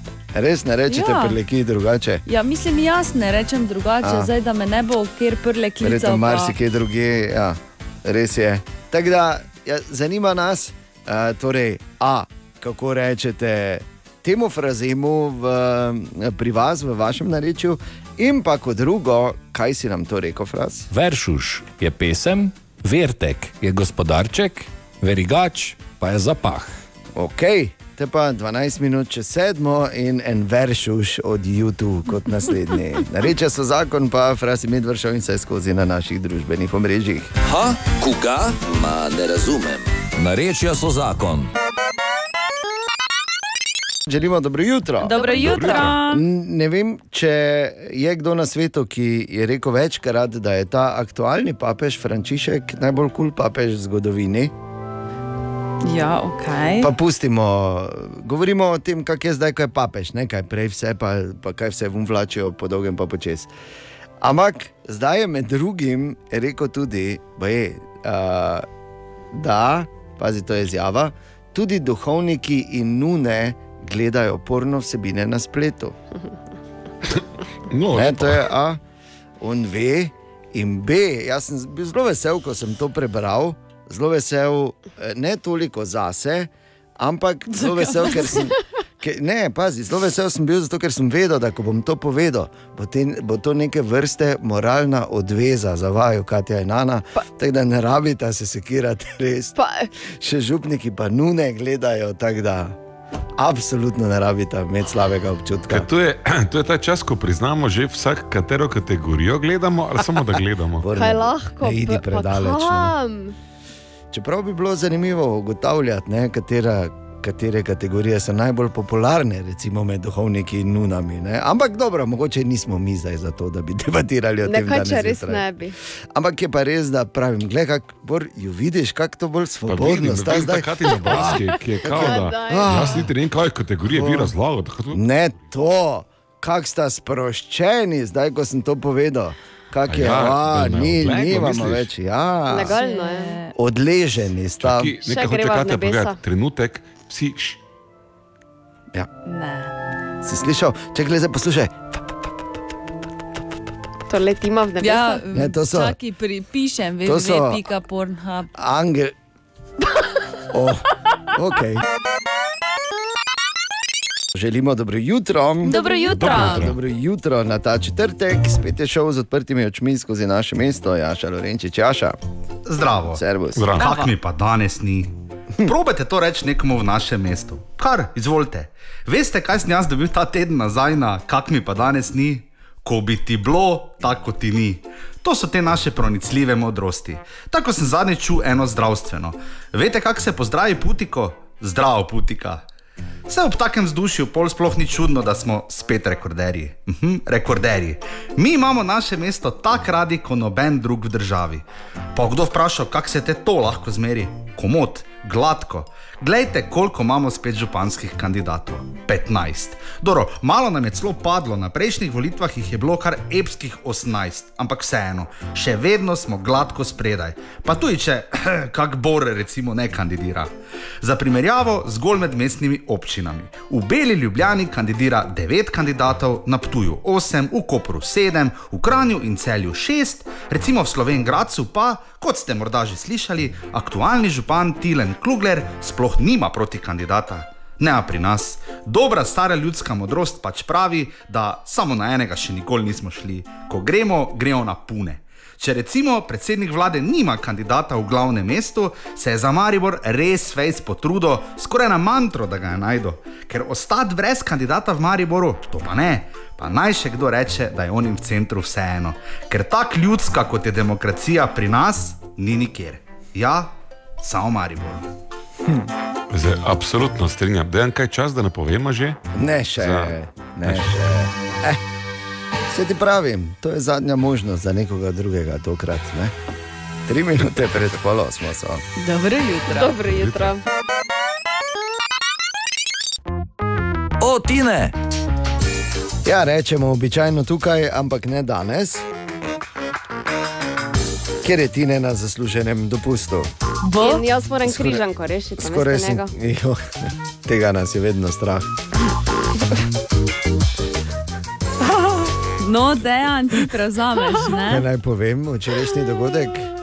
spodnji del, spodnji del živalske noge je bilo. In je tako rekla, "Pf, spodnji del živalske noge. Voda je ptaca. Pa sem jaz napisal, pa sem jaz si rekel, ja, šapa, ne? Medtem ko je ona že imela taca napisano. Ne? Pa smo šla popravljati. okay. Torej, Ja, ampak eh, Tine, ne bi? Tine v svoji, ja, res, svoji včasih. eh, Svoji večni modrosti je tudi poslal mi eno, eno zanimivost in sicer ta je na nek način povezana z našim štajerskim novim letom, Martinovanje, ne, uh -huh. je vse bližje. In ko bo Martinovanje, in ko bo Martinovo, in tu se bo doskrat reklo na zdravje. Ne, na zdravje je pač ta pozdrav, preden se dvigne čaša. In uh, seveda ga poznamo v številnih jezikih. In uh, eden od bolj hecnih je, in to morda marsikdo ne ve, zakaj američani, oziroma v angliškem jeziku se reče to raise a toast, ne, zdravica uh -huh. v Mhm. bistvu. Ja. In uh, to izhaja iz, uh, ne boste verjeli, uh, iz starega Rima, kajti Rimljani so v kozarec z vinom vrgli noter košček kruha oziroma toasta za, za dobro srečo. E, res. In zato se reče to raise a toast, ker dobesedno toast dvigneš, ne, čeprav vino. Fi, ne, in tako zaželiš dobro srečo nekomu. V bistvu, ne? Jaz samo vidim tisti ja. namočeni toast. Pa dobro. Boh, Glej na to metaforično. okay. Ne? Pa na tak so bili pijani tam, da jim je bilo Da me je bilo vseeno. vseeno kaj not namakajo. Se ne. veš, oni so se res znali fajn med. Oni so, uh, se pa se pravičujem zdaj uh, za mojo francoščino, ampak žedli tako dolgo, da so kozlali, pa so dalje žedli. Mm -hmm. E, To ni bilo francosko, zdaj. ne vem, ja, ampak da se reče.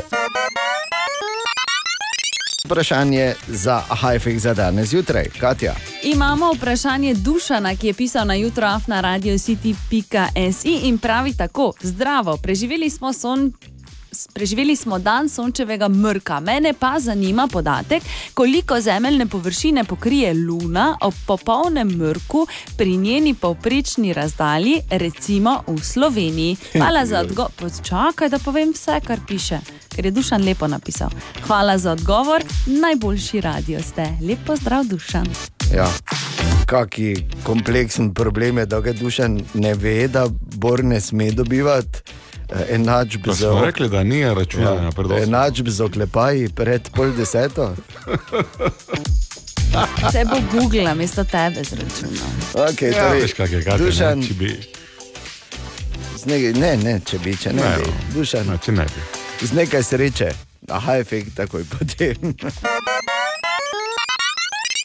Aha, aha, aha, aha, aha, aha, aha efekt. In tako je Dušan pisal za Aha efekt in je rekel, da ga zanima, koliko zemljine površine pa pokrije Luna ob popolnem mrku pri eni poprečni razdalji, recimo pri nas v Sloveniji. Tako in zdaj potem seveda.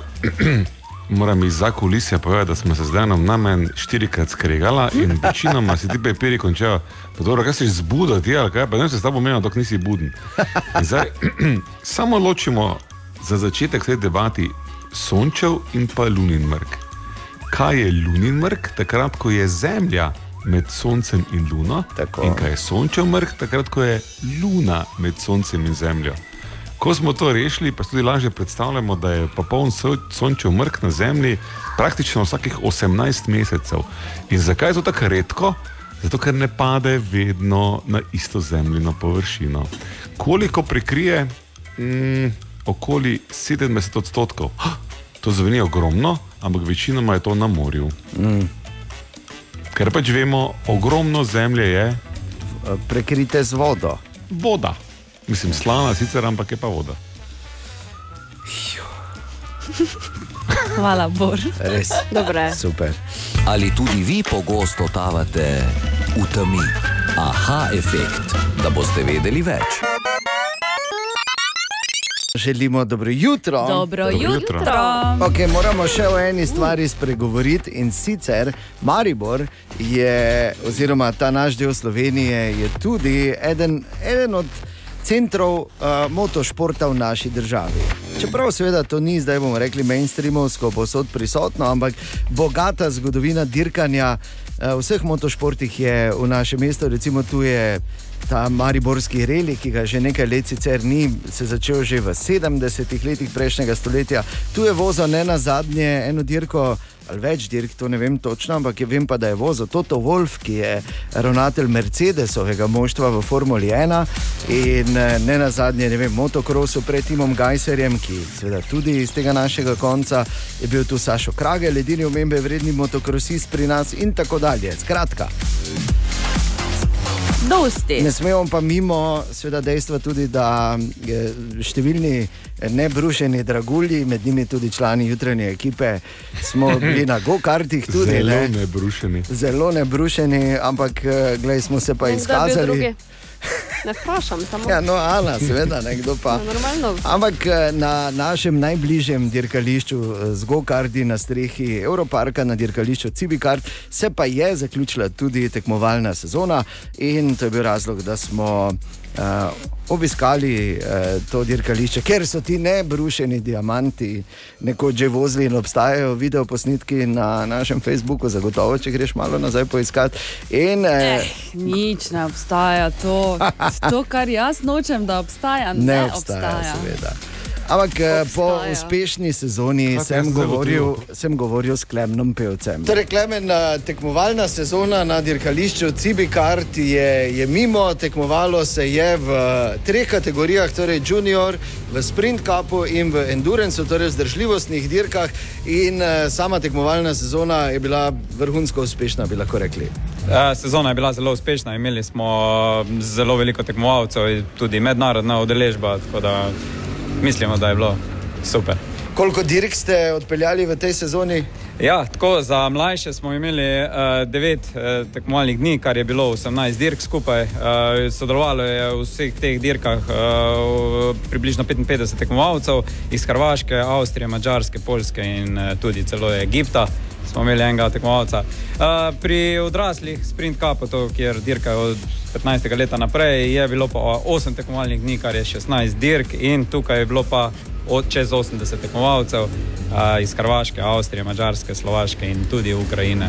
Skratka, mednarodno priznano dirkališče Cibikart na strehi Evroparka. Moram povedati, da vsa ta tekmovanja so na mednarodni eh, jakostni lestvici in vsako leto proizvajalec eh, Sodikart eh, priredi tudi svetovno amatersko prvenstvo in tu se je zgodilo nekaj, kar se doslej še ni. Ja, tako na kar smo zelo ponosni. Uh, tek, tekmovalec Nec Košenina, uh, ki zastopa naše dirkališče, eh, Cibikart Maribor, uh, je v Parizu uh, na finalu svetovnega prvenstva zmagal, in kar pomeni, da je postal svetovni prvak v tej junior kategoriji. Glede na to, da si sam tekmoval v Zgokardi, nekoč ste menda prvi svetovni prvak iz Slovenije, kadarkoli v Gokardi.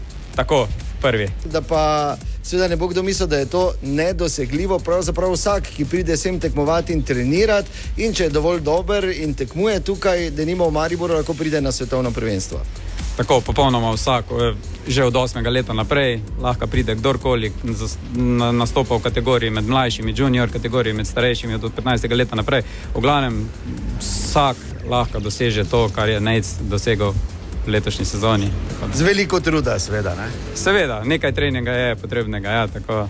In apropo trening, zdaj eh, vemo, da se dirkati na streh Evroparka po zimi ne da, ampak trenutno pa še je odprto in eh, če se moje informacije točne, bo odprto tudi eh, še med počitnicami. Zdaj, kdaj se bo dalo pridvoziti trenirati za naslednjo sezono?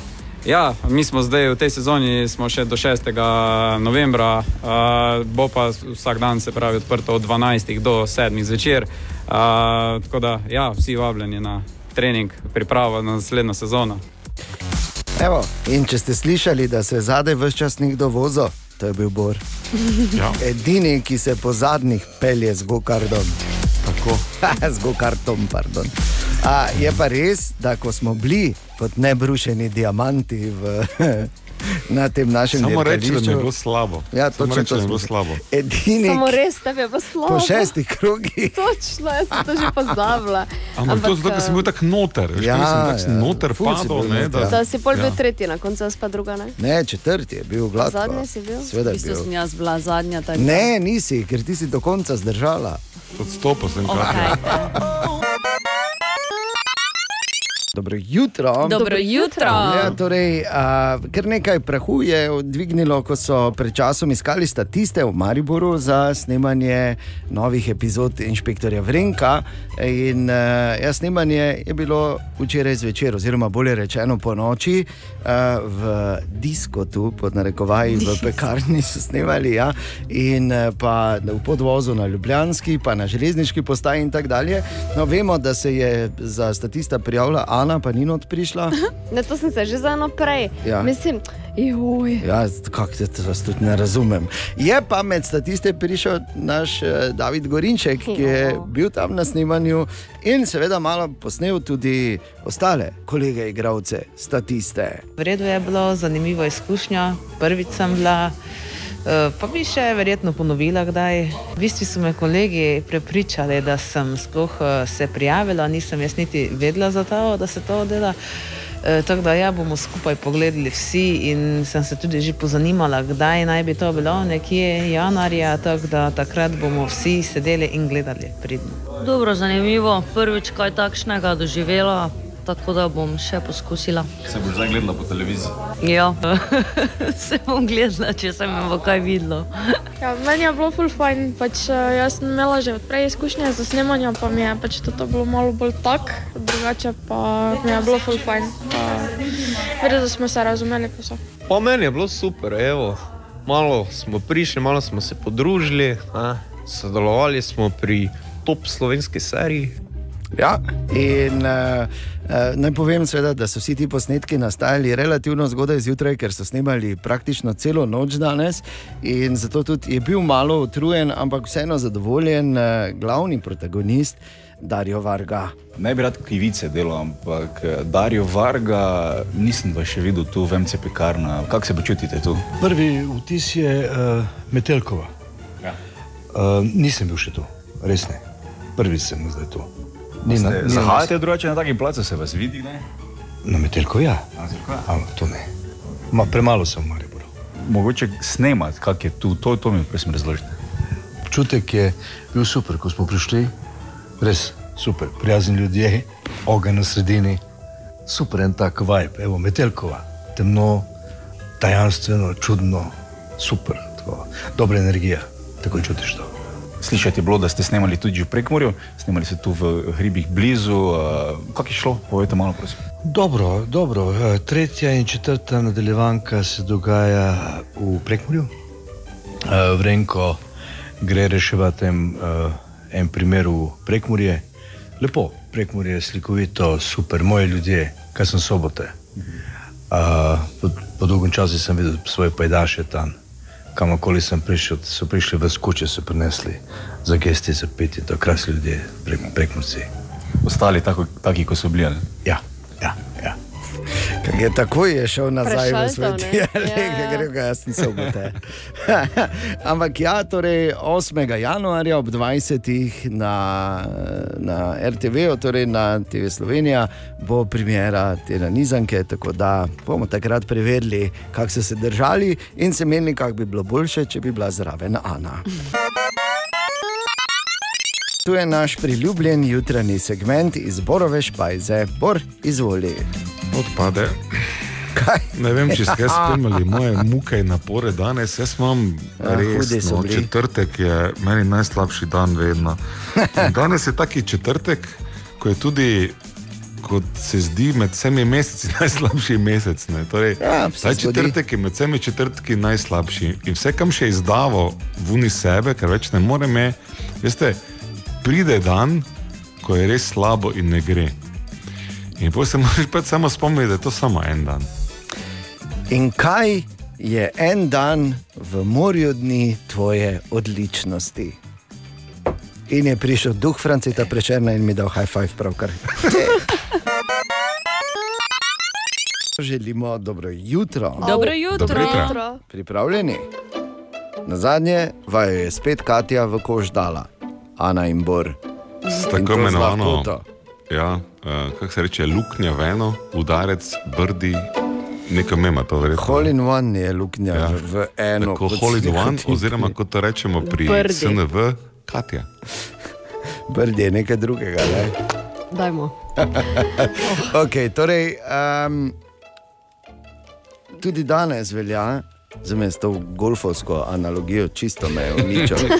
Res. Jaz sem tudi malo Čakaj, nisem zmedena, golfer. Golfist, A, ne, golfer. Golfer. Jaz sem golfer. Okay. Ja. Torej, uh, skoraj nemogoče vprašanje, tudi danes je morda uh, bolj spektakularno od odgovora. Um, je pa res, da je tudi tokrat narejeno v Evropski uniji, kamor zapademo tudi mi. In v Evropski uniji velja, mimo grede, tri poskuse ima vsak. Uh, in v Evropski uniji velja, da od leta 2020 eden od petih torej 20 odstotkov evropejk in evropejcev ne počne več tega redno. Eden od petih od leta 2020, torej od začetka korone, tega ne počne več redno. Kaj je to? In seveda, ne, ker moramo v petek začeti malo bolj humorno, ne klistira se več. Odkot, bor, res odkot.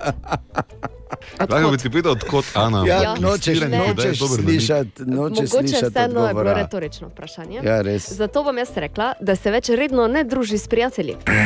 Nope. Okay.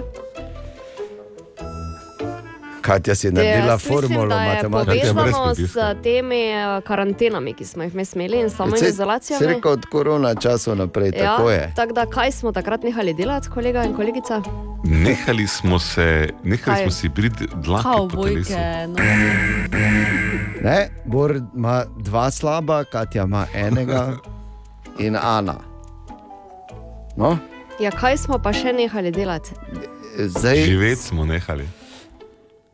To si hotel Ja, reči, či- en od Ne, petih ne, nisem živi več od leta 2020. Jo, pa daj, no. Ja, no. Torej, Počnejo, ampak ne počnejo redno. Torej. Ne počnejo tega več, sem rekel redno. Ja. Kaj se ne počnejo, ne počnejo redno. lepo Ja, ne počnejo tega več redno. redno. Od leta 2020. Lažje bilo, od kaj petih. počnemo redno. No, no. Hodijo po nakupih. Hodijo po nakupih. Ne, ni. Vsi imate po dva Čakaj, da zgrešena. olajšam ko, kolegicam razmislek, ker jaz sem tako prezaspan, da bi to trofone. Torej, vsi so to počeli, zdaj pa ena petina več ne počne redno, ostali še pa počnejo. Ja, tako. Torej, Recimo, ne. vse eno je ali moški ali ženska. Ja, Ja, pač oprosti, imam pod vprašanja. ja sej se prav. Hodijo k frizerju. Ja. Nope. Pa kaj lahko nek malo, Ja, pa da malo, malo ti nas neko smer dajo. Pa če so prazniki. Zagotovo smo o tem že govorili. Bodi z prazničen. zadnjim poskusom, ker to jamranje nikam ne vodi. Ja, bravo, Bor. ti si det. Tako. Hvala Bogu. Ne sesajo več dnevno. Zelo, zelo dober poskus, ampak ne, žal Bor je s tem odpadel, samo še Katja in Ana imata vsaka en, po- vsaka en poskus. Perejo. Perejo, Ana. Ne. Pa daj, zakaj se zaganjaš? Ja. Da, Katja, Če vem. Ja, pa domače opravilo je. ne, ni domače Ja, upravilo. kak je pa te sesanje, bil Ja, dober pač. poskus. Uh, sesanje odpira polje. Neskončnih možnosti. Česa, res? Tudi s tem ni povezano. Okay? Ka- Katja, samo ti še imaš en poskus, na tebi je eden oziroma ena od petih od leta 2020, tega ne dela več redno v Evropski uniji. Kaj je to? Pospravlja stanovanje. Nisi ti, Katja? Da, če ne Lahko si Ti imela rečeš. tri poizkuse. Ne Katja, kuhajo več ne redno. kuhajo redno. Ne. Danes ste žal izgubili. Odgovor je, eh, ne uporabljajo več redno deodoranta od leta 2020. Eden od, ali ena od petih v Evropski uniji so se to, od tega odvadili v času korone. Okay, pa jaz, si sem, v- da je igral. si Jaz, drogerijo. evo, Dvignem roke. Ti jaz si? sem vesela, da, Kaj? da nisem ugotovila vesela, tega. Mhm, okay, ne, jaz sem vesela, da tega nisem ugotovila. Ampak smo pa o tem govorili že. Tak, da, mm, Kaj res? Takrat, ko je Bor bil tu. Sicer pa, kak bi to bil petek pred uh, Halloween vikendom brez ene strašljive zgodbe. Ojoj. Ja. Oj, oj, ja. Ja. ja. Ko jih dejem, pove pol. Pa ni taka sila, ampak vseeno ena strašljiva zgodba, če ne drugače, eh, zadeliti jo naprej. In sicer je to ena eh, resnična zgodba eh, ene dame, dajmo jo za potrebe zgodbe imenovati Martina. Okay? Okej. Martina je pač živela sama, bila je sicer uspešna ženska v svojih 30-ih. In en večer, uh, bilo je ravno, v, se je pripravljalo na Halloween oziroma na noč čarovnic. Se je pač odločila, telefon? ne, ne, ne, se je odločila, da gre pač ven s prijateljicami. In so šle ven in so se zabavale, se veš, runda, runda, haha, he, he, he, he, kaj pa ona, kaj pa ona, čuješ, kaj pa to. Ne? In je čas mineval. In uh, se Martina spomni, da bi morala nekaj pogledati na telefon, odpre torbico, išče telefon, telefona nikjer. Gre poiskat vse, ki če bi ga lahko morda kje izgubila na VC-ju, kjerkoli se je pač gibala tisti večer v tem lokalu, telefona nikjer, pa prosi Martina, eno svojo prijateljico, da pač zašto spokliče na njen telefon, če je mogoče. Ne? In prijateljica ji da telefon, in Martina pokliče svojo številko iz prijateljičinega telefona. Štirikrat zazvoni in se na to nekdo javi. In Martina reče: Halo, to je moj telefon, jaz sem ga izgubila. In na drugi strani Martina ni slišala nič drugega kot globoko dihanje in hihitanje. Ne, ne, ne, ne. in hihitanje pač. Ne? Ja, bor, hvala za Kaj gre to skupaj zdaj, globoko dihanje, pa hitanje? Pa, pač nekdaj diho, pa se pa. In potem so uh, na drugi strani odložili. Martina se takoj kliče nazaj, še dva, tri, štiri krat, ampak se nihče ne javi več.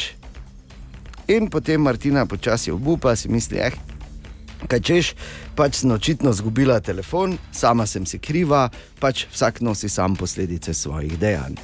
Razočarana, da je izgubila telefon, se Martina poslovi od prijateljic in eh, se odpravi domov in pride v svoje stanovanje, kjer je živela sama, priške luč, gre malo naokoli in ugotovi, da je telefon na nočni omarici, kjer ga je pustila, preden je šla. Kaj pa kdo kaj rekel? Ne, meni hitreje, ne, ker vidim, da se že sozijo oči, Katina. Pod pojstlo je, Katja. Ne. Dobra, mali in stari. Podcast jutranje ekipe.